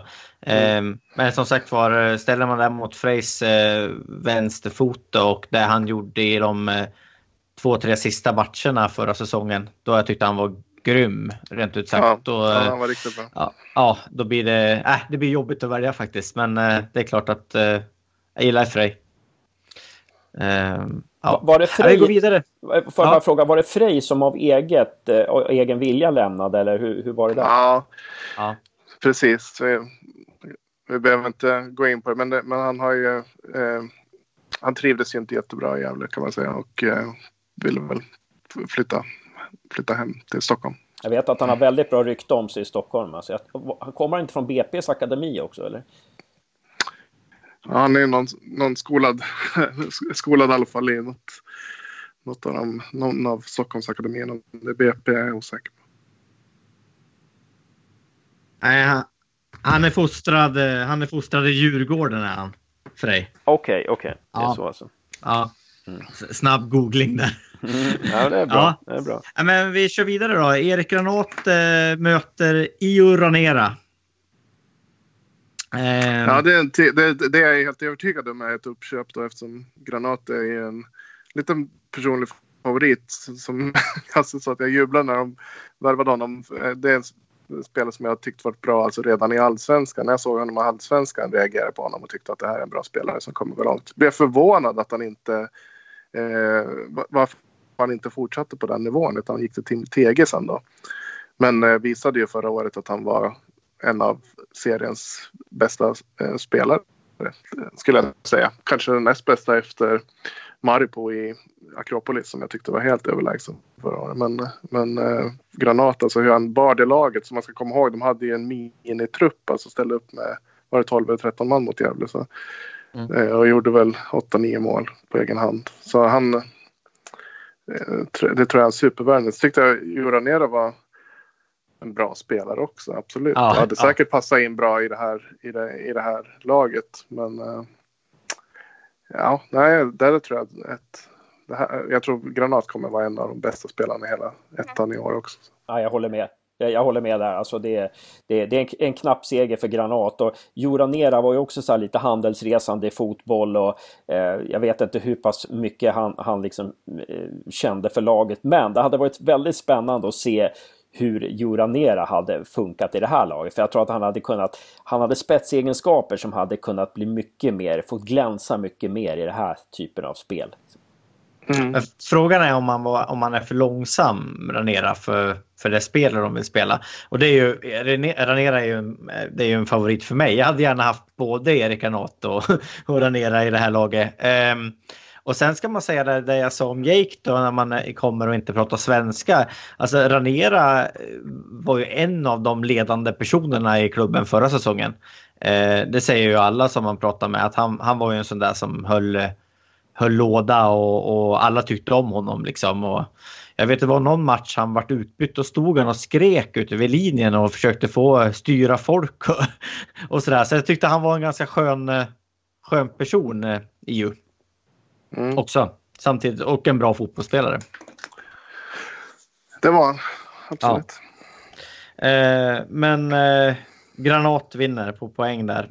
Eh, vi går vidare. Axel Näsholm möter Julio Fernandes. 7-0 till Näsholm. ja, jag håller med helt. ja, men ja. alltså, när det gäller scouting då, om man pratar om scouting. Hur, hur gick det till när de värvade den där Julio Fernandez? Det är fortfarande obegripligt för mig. Men, men Näsholm är ju eh, väldigt nära scoutad eftersom Micke Bengtsson själv har haft honom som spelare. Alltså. Och, och såg, det lilla jag såg av honom då, så, så är han ju en eh, sån här bolltrygg spelare som eh, eh, gör rätt saker, fattar rätt beslut på planen. Det tror jag vi kommer se även om han, han är bara 20. Men han, mm. det tror jag man kommer se att han är en sån som, som ser till att fatta rätt beslut och vet, vet vad det handlar om helt enkelt.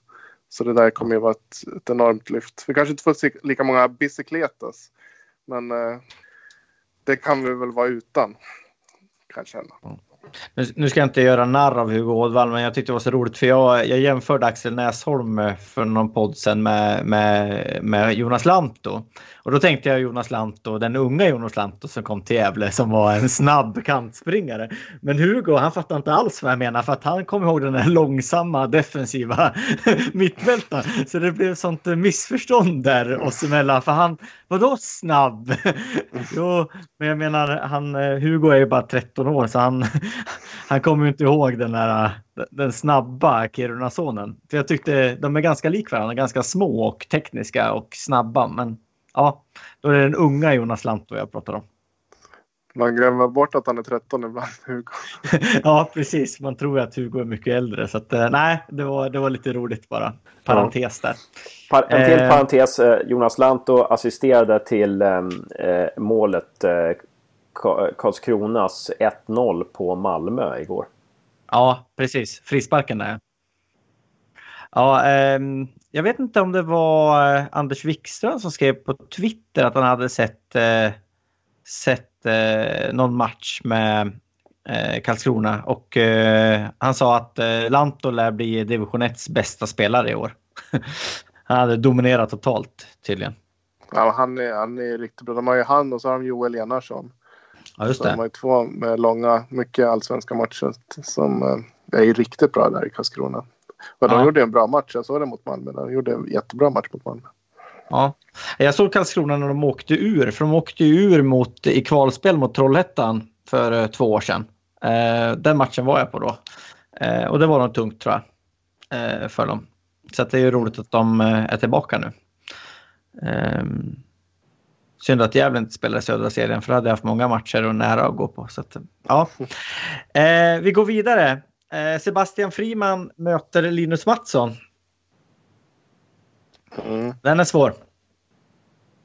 Ja, det, Linus Mattsson var ju också så här intressant. Vad, vad, vad hände där liksom? Han, eh, han kom till Gävle och, som 15-åring, gjorde en säsong i A-laget, gick vidare till Akropolis. Mm. Man undrar ju lite grann hur, hur går det till, hur, vem är hans agent? Liksom? Vem är det som... hur, hur, väljer man den karriär? Det ja. karriärvalet liksom. Som jag 15-åring. Jag tycker det, det känns ja, nästan lite oansvarigt tycker jag. Jag tror att det har varit lite med attityden att göra också faktiskt. Ehm, på Linus att han eh, ja, att han har klagat lite och, och sådär. Eh, jag har bara fått för mig att, det, att det är så. Eh, så det kan ju lika gärna ha varit Gävle som, som kanske inte vill ha kvar honom då. Eh, men det känns också konstigt med den supertalangen. Liksom. Jag trodde att det var en spelare som skulle spela Gävle i tre år och vi kunna sälja för lite pengar sen och, och, och få in lite cash till klubben. Liksom. Så det, jag tycker ändå det är en besvikelse att, att han, han försvinner så, så snabbt. Liksom. Ja, jag förstår. Vad skulle han till Gävle göra överhuvudtaget. Vad, vad, fanns, vad erbjöd Gävle förra året som gjorde att en, han som en supertalang i sin årskull skulle ha, ha den bästa utvecklingen han kunde få? Speltid. Istället för, spe, istället för att spela i till exempel AIKs akademi då.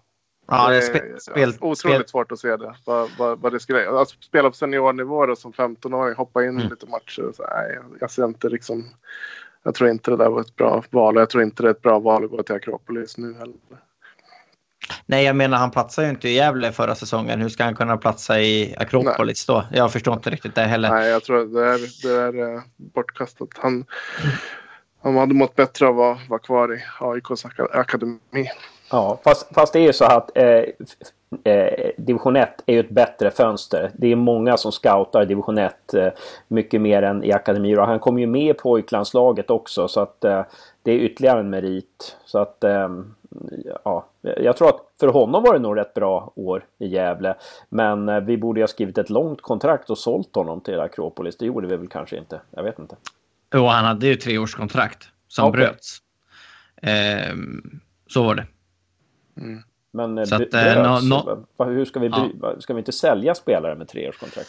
Jag tror att det är svårt i division 1 alltså. Och, och, eh, jag, jag tror att det, det blir väldigt mycket som du pratade om tränare i division 1. Att man eh, trivs man inte om man tar ett snack och sådär då, då är det mycket lättare att bryta ett kontrakt i division 1 än det hade varit i superettan eller i, i allsvenskan där det är på, på professionell nivå. Utan vi måste komma ihåg att vi är, nu är vi nere på amatörnivå och jag tror att det, det är ganska lätt för, för, för att liksom ja, krångla sig ur kontrakt. Ja. Nej, men det är nog 1-0 till Friman där alltså för att... Eh, Och vi har inte sagt ett ord om Friman än. det räckte med att säga. Nej men, ja. Ja. Nej, men Sebastian Friman är väl, han, han eh, hade ju skadebekymmer han också. Va? Så det, det är ju sådana spelare, om han håller sig hel så är han ju lite av en trollgubbe har jag förstått. Jag, han, jag har aldrig sett honom spela. Men eh, bra teknik och bra eh, lite sådär, det som ni eftersökte, någon som kunde göra lite oväntat. Då. Gjorde väl tre mål, tror jag det var, för Tim Tege förra säsongen. Men var, missade ju matcher då för, på grund av skada. Så, där. så att, håller han sig hel då kan han nog få en bra utveckling. 21, han är 21 år då. Mm. Nej, han bra känns, skola. eh, Mm, känns bra. Eh, vi går vidare. Eh, Chichu mot eh, Noam Zero. Ja, jag, jag måste säga att jag tycker ju, eh, vi har haft väldiga diskussioner om Chichu här i, i, i podden och, och jag är positiv. Alltså jag tycker jag ser i honom att han har eh, att han har växt till sig, att han, eh, som du sa Hasse, att han sliter i defensiven som han aldrig har gjort förut. Och, nej, jag, jag, jag tycker att eh, mixen Chichu som ändå är den mest lovande fotbollsspelare som Gävle IF någonsin har fått fram och tränaren eh, Mikael Bengtsson är en intressant mix. Ja, ja verkligen. Alltså Chucho spelade ju, det har vi tjatat om förut, men han var ju ordinarie i pojklandslaget eh, tillsammans med Jordan Larsson. De startade ju på topp där, P16 och P17. Och, eh, ja, så att det, det är en jättebra offensiv spelare. Eh, och sen så kanske han inte förstod eh, riktigt vad, var det, vad, vad, det, vad som krävdes och sådär. Och jag tror att han har kommit till ett ställe i karriären att nu, liksom, nu är det bära och brist, eller brista. Och det, det, det känns som att han har fått glädjen tillbaka för att han, han gör grejer på plan som jag inte har sett honom göra på ja, jag vet inte, jag vet inte hur många år. Det är, jag menar fem, fem, sex år i alla fall. Eh, Så att, eh, ja. Jag, Ja, men just det där med, med den personliga mognaden då. Att, eh, det var ju det Micke lyfte fram då. Att han har, han har tagit steg. Han har ju också allsvensk rutin ska man komma ihåg. Och varit i lite olika klubbar. Så det, det är ju också betydelsefullt. Men har han dessutom kommit längre i sin personliga utveckling än senast han var i Gävle. Då ser det ju bra ut. Va? Att han förstår vad det handlar om och vad som krävs för att vara elitfotbollsspelare. Då är det intressant naturligtvis. Eh, med, med en sån spelare med den rutinen och den eh, högsta nivån då. En, den kapaciteten som ju alla vet finns. Mm. Ja, men alltså, han är ju fantastisk på många sätt men eh, han måste ju lära sig när han ska släppa bollen och, och när han ska dribbla. För han, jag tycker han eh, i matcherna de, där jag har sett att han tappar boll lite lätt också. Nu vet jag inte hur det var mot eh, den här matchen men, men han, eh, han har ju kvaliteter och jag tror att det här spelsystemet passar honom också den positionen och, och spela i eh, i eh, fickan som du säger eh, Hasse. Och, och, ja, jag tror att det, det, kan passa honom och en sån, eh, sån tränare som, som Micke är som är van att utveckla spelare också och, och, och kan liksom pusha på vissa saker. Så nej, jag, jag tycker att det, det är spännande. Ja, och man behöver, i ett lag behöver man några sådana spelare som på egen hand kan eh, en mot en eh, ta sig förbi en spelare. Det är inte så många sådana vi har. Det finns inte så många sådana spelare. Titta bara på IFK Göteborg vad, eh, liksom, när de fick in Hosam Aiesh där. Alltså vilken, eh, ja, vil, vilken skillnad det gör. Eh, och eh, att titta på Djurgården till exempel med Radetinac eh, till exempel. Det, det, man behöver någon sån spelare som kan, som kan ta sig förbi en annan spelare. Eh, för det, det, det är väldigt mycket värt i dagens fotboll. Mm. Eh, ja, Nahom Zero då som försvann. Jag tyckte han såg spännande ut och så. Han, eh, han höjde ju ribban lite i tidningen innan säsongen och sa att han skulle ta en, en eh, startplats och grejer. Eh, sen försvann han liksom. Jag vet inte vart han tog vägen. Eh, det har varit väldigt tyst om honom. Ja, där finns det nog en historia att berätta. Det är ju totalt tyst vad som hände där. Superspännande mm. spelare tyckte jag. Eh, vet ju ingenting om honom eh, utanför plan utan bara utifrån det man såg på plan så var eh, jättespännande tycker jag. Alltså bra målsinne. Mm. Fantastiskt det här målet han gjorde. Han avgjorde någon match förra året. Jag vet inte vilka de mötte men det blev 3-2 va? När han ja, avgjorde slu, slutminuterna och, och lång spelare. Eh, kunde spela target. Bra teknik men kunde spela target också. Eh, eh, det var, skulle vara spännande att veta vad som hände med honom och, och varför han inte är kvar. Det finns nog någon förklaring till det.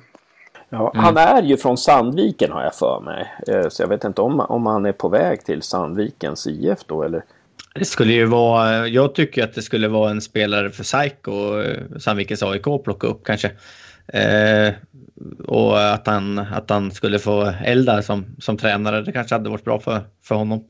Eh, nej, jag håller med. Jag tyckte också att han var spännande. Eh, liksom lite, lite bitig så. Det var ingen de, de Nej, bara kunna stor. tackla ner. Liksom. Han var ju stor och liksom jobbig att möta och, och sådär. Nu såg han ju liten ut bredvid Grace Tanda, det kommer vi in på sen. Men ja, nej, eh, det kanske är någonting att, att forska vidare i. Bra, psy bra psyke verkade han också. Ja. ja. Lite kaxig också, det gillar jag. När unga spelare är. Eh, det, de, de ska ju in och ta för sig. Så att, ja, det, det får vi får vi forska vidare på lite. Vi går vidare till sista. Eh, Isak Lidberg mot eh, Grace Tanda. Mm. Eh, och eh, ja, där tycker jag ju Isak eh, vinner det lilla jag har sett. Med, eh, och den ja, ja, attityden men, men Grace Tanda var ju också helt, helt obegriplig värmning. Som, man kan ju inte ha... Alltså, ja. Det, dels jag var på planen, det såg väl alla att han, att han hade otroligt svårt att hålla sig till sin position. Han var ju, han var ju precis överallt i anfallet. Men inte så ofta där han, där han skulle vara. Och dessutom så är det väl ingen hemlighet att han inte funkade i gruppen då. Så, så, det, det, så är det och, ja, Det är märkligt hur man hur man kan misslyckas så kapitalt med en värvning. Jag menar så stor är inte fotbollsvärlden att man inte skulle kunna fråga runt lite och fått den informationen. Nej men det känns ju, känns ju som att Gävle liksom gör det här om och om igen. Liksom. Eh, jag menar värmningen av, av, nu ska vi väl, har vi lagt det bakom oss, men Johan Mjällby också. Det hade ju räckt med ett samtal ner till Västerås någonstans så hade de liksom förstått att, eh, att det liksom skulle bli som det blev. Och det är samma sak med Grace också. Det är ju eh, en spelare som är en säsong i varje klubb. Bara det liksom, om du går in på Wikipedia och, och kollar vart han har varit och ser att fan han har varit i en klubb där, en klubb. Då för, det, det, varningsklockorna borde ringa då liksom. Om, en, mm. om man aldrig stannar mer än ett, ett år i varje klubb liksom. Mm. Ja, jag, jag, tänkte, jag tänkte också på Johan Mjällby. Innan du sa det så att jag också tänkte på Johan Mjällby. Alltså det, det, det är fruktansvärt, fruktansvärt dålig scouting. Där måste man ju liksom lära sig någonting. Och eh, alltså det är här vi behöver en sportchef. Någon, någon som är sportchefsansvarig och tänker, i, i, tänker långsiktigt. Alltså vi måste ju ligga i framkant hela tiden. Vi måste redan nu börja scouta. Om Micke Bengtsson får ett anbud i sommar och går till en annan klubb, då ska vi ha klart. Då, ta, då är det den här tränaren som vi frågar. Eh, ja, vi, vi, måste ligga i framkant här liksom. Vi kan inte hålla på. Och, ja, det är samma som Julio Fernandes också är en mycket märklig eh, värvning som ni var inne på där. Alltså det, det är Ja, det, det, och, och, det är det, som att man ja. scoutat i målkolumnen. Liksom det, det, är inte det det handlar om. Det, det, handlar om att hitta rätt spelare, rätt person som passar in i laget och passar in i den rollen som är tänkt för den, det spelsystemet man har framför sig. Och det, ja, det, det kan man inte ha gjort. Jag måste säga det nu med, när vi är inne på Julio Fernandes, bara så här parentes, men jag fattar inte hur han ska kunna lyckas med de här flashiga bilderna nu, det här fotbollsproffslivet han lever i Ytterhogdal. Liksom. Det finns ju ingen café där eller liksom någon, någon strita att gå på och ta så här flashiga bilder på sitt proffsliv. Liksom. Där har du ju verkligen en spelare som, som, det här är ju absolut sista chansen. Gör inte han 20 mål nu i Ytterhogdal i division 2, då kommer det gå barka riktigt åt, åt skogen. Och man undrar ju där också, vad har han för agent liksom? Han är alltså, ju brasse. Alla brasilianare är ju fotbollsproffs. Jo, jo, jo, jo, men jag menar, alltså, han är hade jag varit hans rådgivare, ja men hade jag varit hans rådgivare förra året så hade jag ju bara, men håll käften och lyssna på vad tränaren säger liksom. Gör som, alltså det här gör mig så jävla upprörd för att han är ju lite som en, han är ju lite som en, en, en, en innebandyspelare som bara kan göra Zorro-finten. Liksom. Ja. ja, men han, ja, men alltså, han kan inte... Han, han är som kan, jag helt enkelt. Nej, ja, men han är skitduktig på att göra bicicletas och så här oh. coola mål och det här liksom. Men att slita häcken av sig, det är ju inte riktigt hans eh, stil. Liksom. Och jag gillar ju honom på något sätt. Liksom. Han är ju fan, han är ju en skitrolig karaktär. Vilket gör att jag blir förbannad. Nu är det andra gången jag pratar om Julio Fernandez så jag blir skitupprörd. ja, men, ja, men det, man, till, till Gävles försvar kan man väl säga att de skulle värva ihop ett, eh, en hel trupp då, eh, från ingenting på väldigt kort tid mm. inför förra säsongen. Och mm. Det är klart att man inte träffar rätt med alla men jag tycker samtidigt att det, det kan inte vara så svårt att få, få den där informationen. För det, det tog ju inte lång tid innan man såg vad, vad det var för typ av spelare. Då. Så, och, och, ja, men egentligen är Grace Tanda ännu mer obegripligt. Va? För att de, de spelade ju 3-5-2 hela säsongen. Det var ju tydligt att han ville köra 3-5-2. Det var det man tränade på under hela säsongen. Och det var det man spelade i varenda match.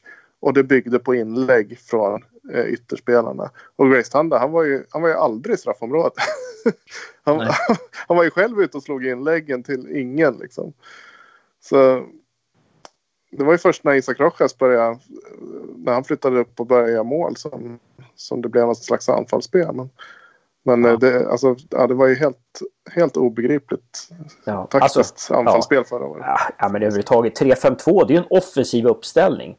Det är, det, är, det, är, det är en väldigt offensiv uppsida. Då kan, man inte, då kan man inte ställa sig i försvar och bevaka sin zon. Liksom. Jag fattar inte. Det, det, jag, jag, vet inte hur många timmar jag låg vaken eller var uppe och vanka på nätterna förra, förra året och bara, bara totalt frustrerad alltså. Men eh, ja, sen undrar jag faktiskt om Julio Fernandez är brasse. För jag kan li eller, den lilla portugisiska jag kunde försökte jag prata med. Nu kanske mitt uttal var så jäkla dåligt. Men, men han, han sa att han pratade spanska. Jag, menar, jag fattar inte alls. Brassar pratar ju portugisiska. Nej, jag, jag fattar ingenting. Alltså. Du menar att jag... han var fake-brasse dessutom? ja, alltså... Ja, men jag, jag har en brasiliansk kollega och hon läste vad han skrev. Och Aha. han skrev på portugisiska i alla fall. Ja, han gjorde det. Ja, men han, är, han är född ja. faktiskt i Curitiba i Brasilien och har Clube Atletico Braga, Bragantino som moderklubb. Så att uh, jag tror vi får, ja. vi, vi får nog klassa honom som brasse ändå. Ja, okej. Ja, det måste jag säga till dig Jimmy. Hon, min, min kollega hon är dessutom ihop med Garinchas son. Eh, Det är, så att, det är eh, stort. Ja, jajamän. Ulf. Är han på marknaden? Ja, ja, han, han är lite för gammal nu. Han var ju skadad som junior. Han var ju väldigt lovande sonen. Han, men han är ju herregud, han är född 56 eller någonting. Så. Ja, det var också en parentes. Ja. Eh, ja, men eh, jag, jag känner att eh, Isak eh, Lidberg känns eh, redan nu mycket mer eh, stabil på något sätt. Ja, och mycket bättre än Herman Johansson hette han va, som vi var ute efter, som Sandviken tog. Eh, ja, men Isak är ju mycket bättre än vad Herman Johansson är. Alltså, det, är, så, det, är, det är också så jäkla bra att vi väntade ut och fick den här spelaren. Ja, där, jag kan man, där, där kan man också säga att, eh, just det som Pelle Olsson pratar om, rutinen. Hur många allsvenska matcher har man gjort? Hur många matcher i Superettan har man gjort? Det är, det är stor skillnad att få in den rutinen på Isak Lidberg jämfört med Herman Johansson. Sen Mm. kanske Herman Johansson har Ja, jag- bättre råämnen, kanske har större potential. Men att få in det i den här truppen, det, det är mycket viktigare nu att få in en spelare som har den här rutinen.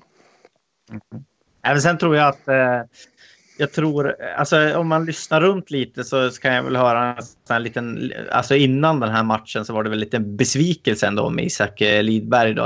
Eh, det, det är ju inte ett jättekänt namn, även om han han är ju Hammarbys yngste debutant. Han debuterar ju för Hammarby redan som 16-åring.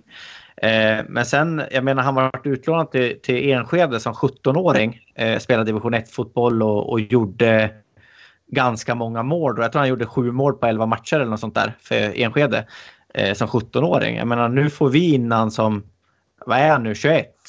Mm. Eh, han lär ju vara bättre nu än han var som, eh, som 17-åring. Liksom.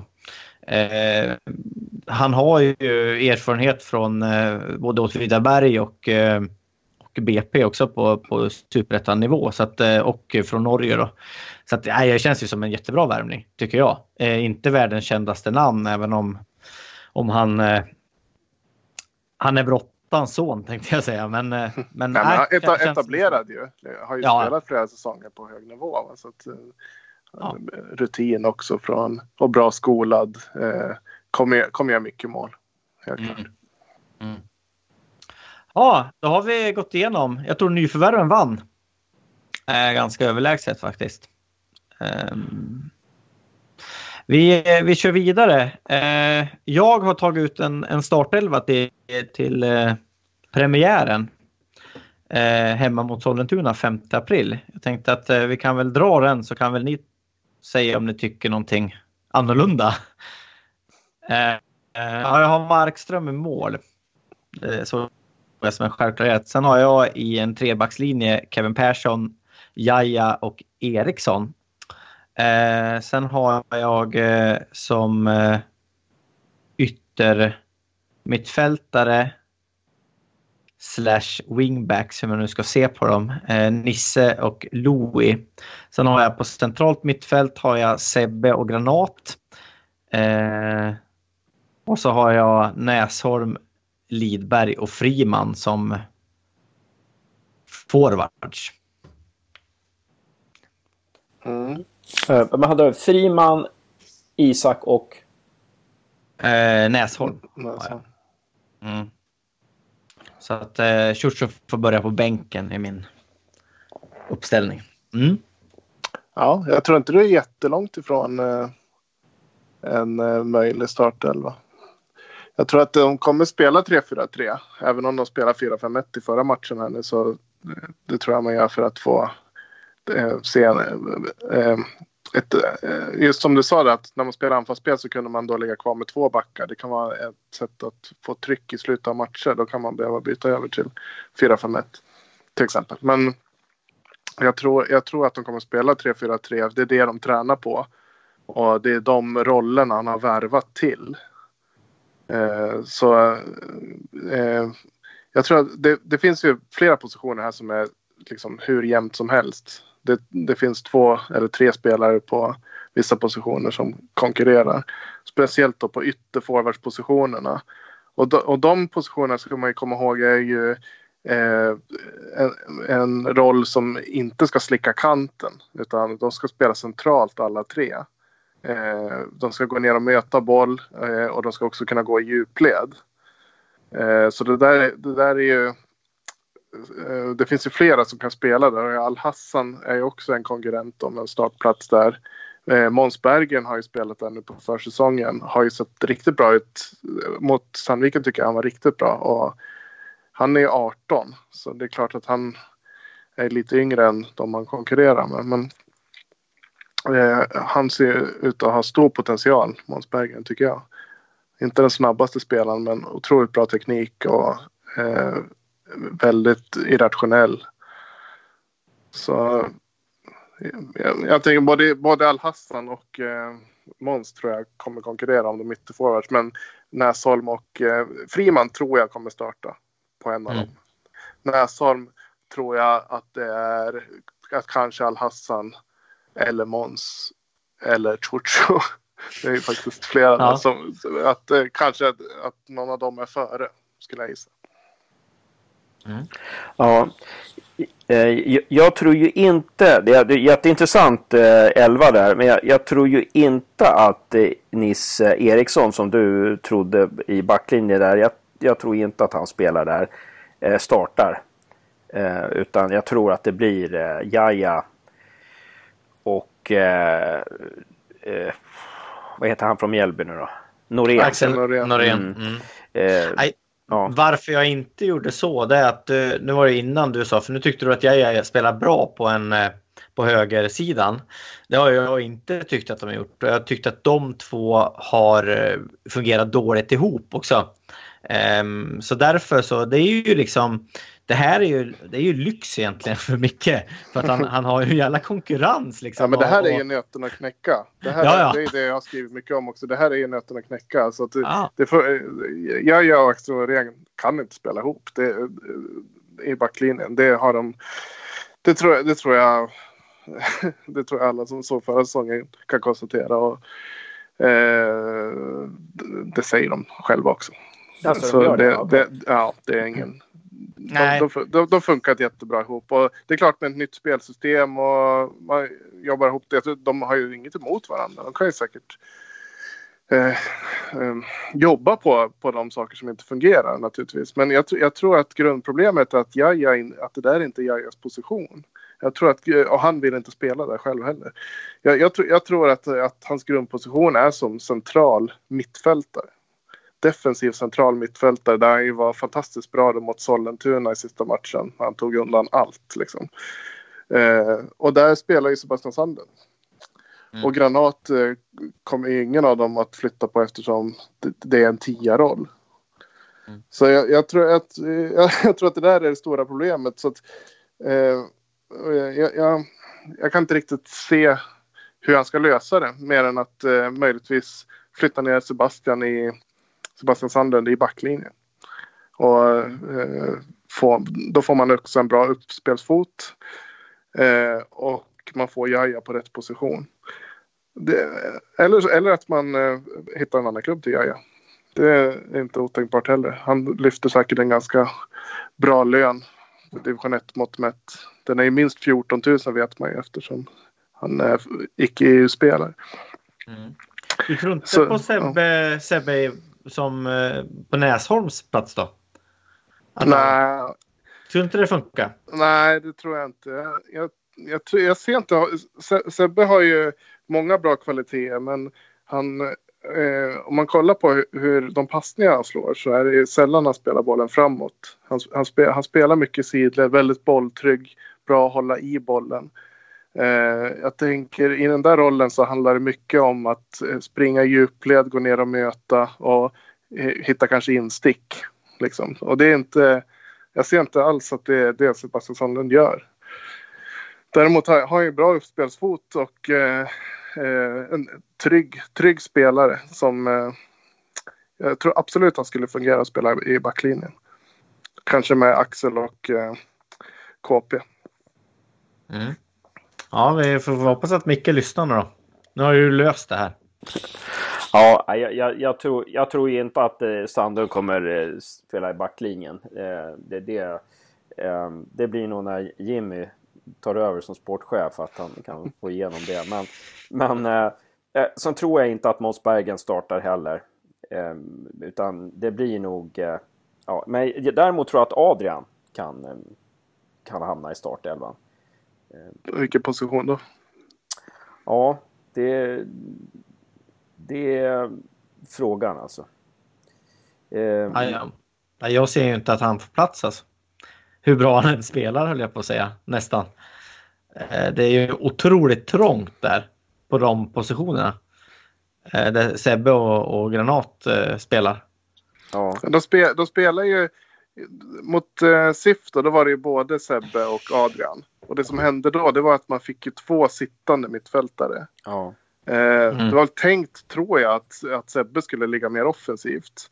Men eh, Sebbe är inte den spelaren. Han är inte en tia liksom. Han är en, en sexa. Och eh, då blev det två sittande mittfältare och det är ju inte liksom så kan man ju också spela i 3-4-3. Det är inte det kan ju till och med vara att föredra i vissa matcher. Att man har, att man har så. Så jag tror Adrian verkar ju eh, ligga, liksom utvecklas bra nu och han, bör ju, han måste ju också få speltid efter, efter vad han ligger i utvecklingen. Liksom. Men det är ju stenhårt där och det kan också vara ett skäl till att man spelar 4-5-1, testar 4-5-1 för då får man plats med tre innermittfältare. När man har mm. så bra konkurrens på den positionen. Men, men som eh, utgångspunkten som jag förstår är 3-4-3 och då ska det vara en 10 och en 6 på. Alltså en offensiv som ligger bakom eh, forwardslinjen så att säga. Och, och en eh, defensiv som ligger precis framför backlinjen. Så att det är en diamant på mitten. Mm. Ja, det var precis så han spelade i, i Hudik om jag förstått det rätt. När han var eh, tränare där. Mm. Med, med diamant. Så att, eh, ja, men det är ju det är som jag säger, det är ju liksom, han har ju lyxproblem. och få, få ihop det liksom. Och det är ju alltså hellre det än att, att det skulle saknas en spelare på någon position liksom. Men mm. eh, det är jävla huvudbry. Ja, jag tror, jag tror inte ja. det är otänkbart som Hasse tror att det är otänkbart att Sebbe ska gå ner i backlinjen. Jag tror inte alls det. För att jag, om man kollar på de andra lagen som har, andra lag som har spelat 3-4-3 så är det ganska vanligt att man tar ner en av de bollskickliga mittfältarna till backlinjen. Poja gjorde ju det också i, i eh, IFK Göteborg var det Sebastian Eriksson var så gick vi ner till och spelade back då helt plötsligt och för att få en uppspelsfot bland annat. Och eh, även eh, är det Chelsea också som flyttade ner någon sådär för att som en skådad dam. David Louise var det väl eller? Men, som mm. flyttade ner som, från mittfält för att, för att ta hand om uppspelen. Så det, jag tror att liksom i den fotboll som blir allt vanligare nu så, så värdesätter man de här uppspelsfötterna mycket, mycket mer än man gjorde tidigare. Mm. Jag brukar jämföra Erik Larsson i Malmö, Gävle-produkten, som spelar eh, höger mittback eh, nu.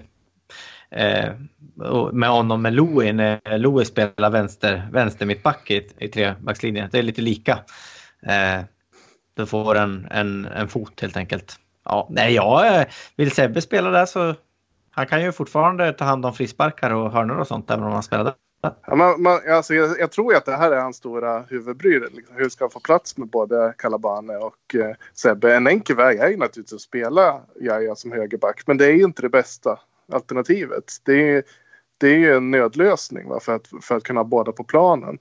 Men det blir inte det bästa. För Jaja är inte den bästa högerbacken i, i truppen. Där är, det finns flera som är bättre. Jag skulle säga att såväl Ejeblad som KP som Nils Eriksson är bättre i den positionen. Mm. Men eh, Jaja i sin rätta position är ju naturligtvis en spelare för startelvan. jag, jag håller med. Alltså, ska han spela i backlinjen så ska han ju spela centralt. Ja, ja. Eh, där gör han ju mest nytta, men helst som, som defensiv mittfältare. Men mm. äh, ja, är det, det är svårt. Ja, det blir spännande att se hur han löser det där. Det, det kan ju vara så att han byter spelsystem just för att han inte vill ha det här problemet. Mm. Men jag skulle inte vara förvånad heller om, om Jaja inte startar i premiären. Kom ihåg vad ni hörde Nej. först. Ja, ja, ja, det är intressant alltså. Men alltså det, det, jag är lite, det jag är lite osäker på det är alltså när, när eh, när Måns Berggren bytte eh, när Nisse Nilsson kom in istället för Måns Berggren eh, i lördags så blev det ett annat spel. Alltså det, det som känns är att Måns eller Chucho måste nog starta för att eh, vi behöver någon där i, liksom, i pocketrollen som, som, som kan liksom sticka in bollen centralt också. För att eh, ett, tag, ett tag i första halvlek, halvlek blev väldigt mycket ut på kanterna. Man kände igen det här. Aha, ska vi ut på kanterna och slå inlägg? Är det det som är det nya Är det det som är grejen? Men eh, men sen eh, löste sig där upp. Men, men, men, jag kände att Nisse Nilsson, han, höll, han försökte sig sällan in centralt. Och ja, jag är lite, lite undrande där hur, hur det där ska fungera. Alltså.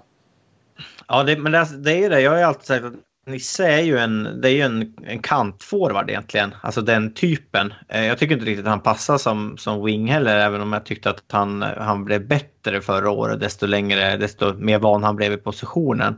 Men han är ju liksom ingen central central forward heller. Så att det, det, det blir också svårt liksom vad han vart han ska, ja, ska han, vara. Han liksom. kanske startar på grund av att det, just den positionen finns det inte så eh, många som kan konkurrera på. Ejeblad spelade ju lite wing där men det tror jag mm. inte han själv kände var rätt position för honom.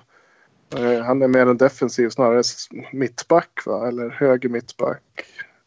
Så ja, det, jag nu... tror inte det finns så mycket konkurrens. Lika med Louis Kangas. Det finns det väl ingen egentligen som kan konkurrera på. Nej. På den positionen. Nej. Och jag hade ju hellre haft han i, i backlinjen för, på grund av hans vänster fot där. Eh, Tycker ändå att, han liksom var de matcher när han, spel, när han spelade där ute att i alla fall om jag såg på plats att han faktiskt har bra offensiva kvaliteter och kommer med mycket jo, jo. inlägg och klarar av att, eh, att spela på den positionen också. Att, eh, att, eh, ja, men jag tänkte nästan att det, att det där var nog rätt position för honom som vänster wing. Liksom. Att han kom in i det mer och mer.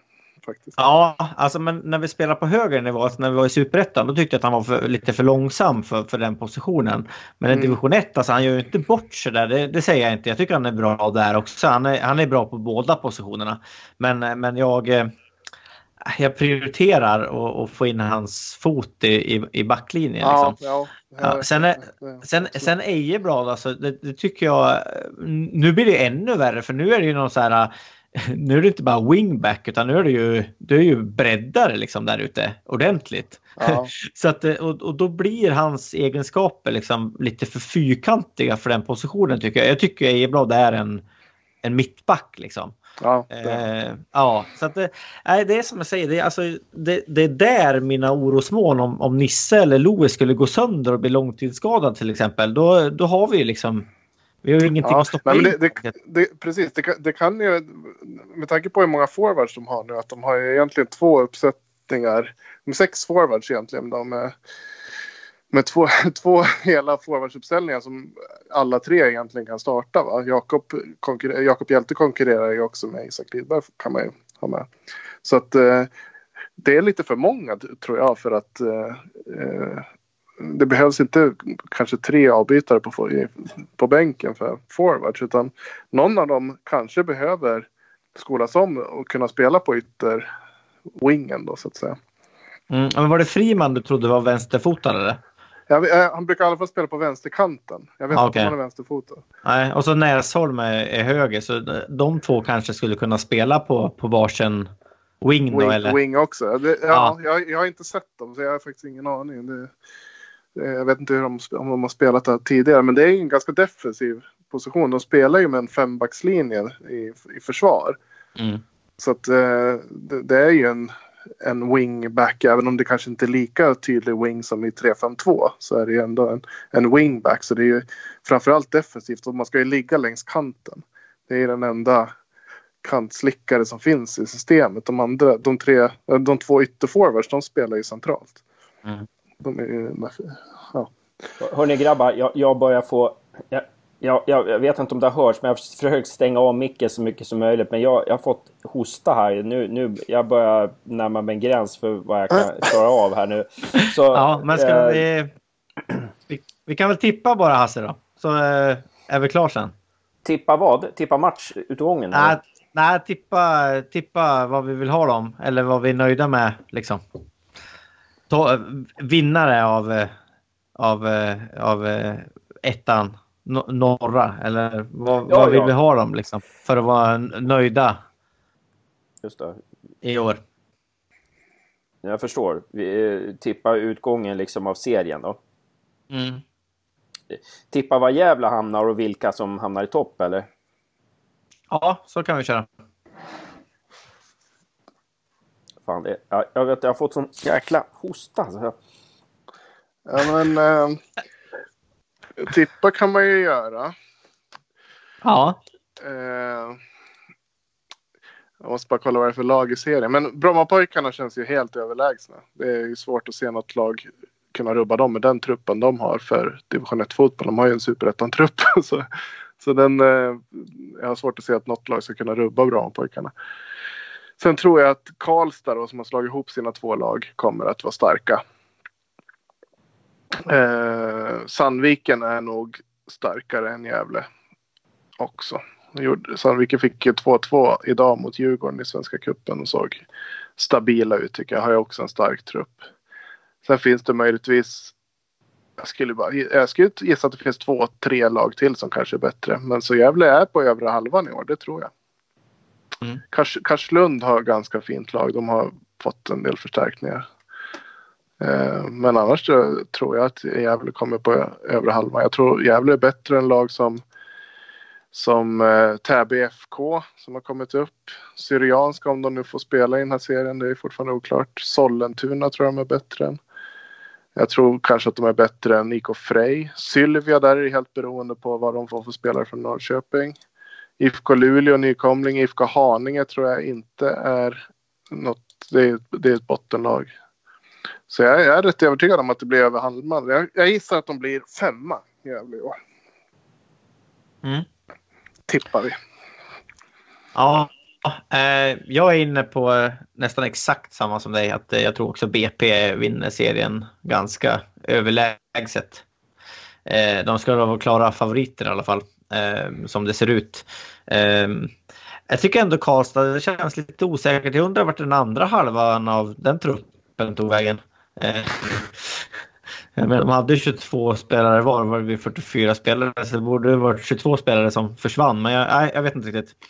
Eh, sen Sylvia är ju, eh, det går ju inte att tippa dem för att de, de kan ju bli jättedåliga och de kan bli jättebra.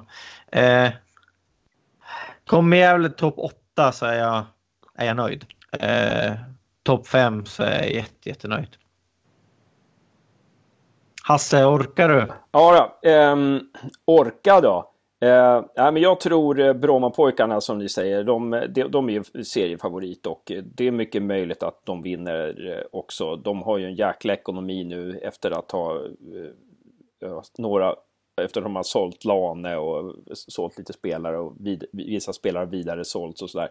Ehm, men ehm, jag tror Gävle kan vara med och fightas om kvalplatsen faktiskt. Ehm, jag tror Vasalund kan bli farliga.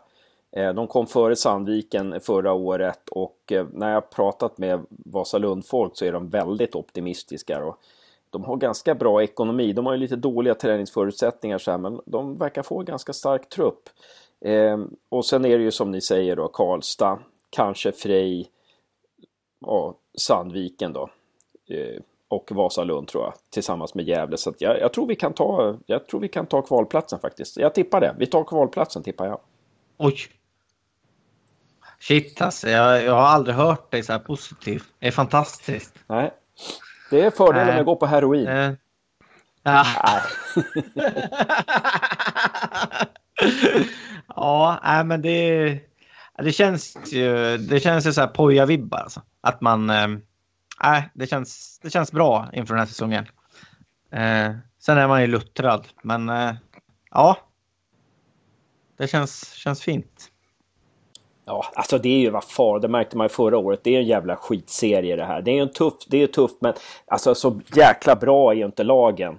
Eh, så att eh, har vi bara ett ordentligt spel. Eh, det, det, jag menar, många som jag pratar med, de tyckte att Gävle skulle ha tagit kvalplatsen med den trupp de hade förra året. Och nu har vi ju nu har vi ju ett eget spel och ja, jag, tror det här blir, jag tror det här kan bli skitbra alltså. Sen, eh, ja. Eh, eh, ja, Sandviken är väldigt beroende av Emil Belander alltså. Han var med idag. När Belander inte är med, då, då funkar inte deras spel. Eh, så att eh, de var väldigt bra offensivt tycker jag idag mot Djurgården. Jäkla mycket de skapade alltså. Ja, sen är det ju det, alltså, de måste ju göra någonting åt skadorna, oh. Sandviken. Eh, få ordning på, på planen där och, och, så. Det går inte att hålla på så här. Vi tycker det är bra i och för sig, men, men eh, det är klart att ska de vara med och kämpa i toppen då kan de inte ha så många på skadelistan som hade förra året. Verkligen. Inte. Ska vi avsluta så? Vill du lägga till något Jimmy? Nej, nu har vi väl tömt ut allt tror jag. ja. ja, du, jag tackar er båda så, så mycket för att ni ville vara med. Tack så mycket själv. Jättekul. Tack, tack Andreas, var en ära. Tack, tack. Ja, ha det bra.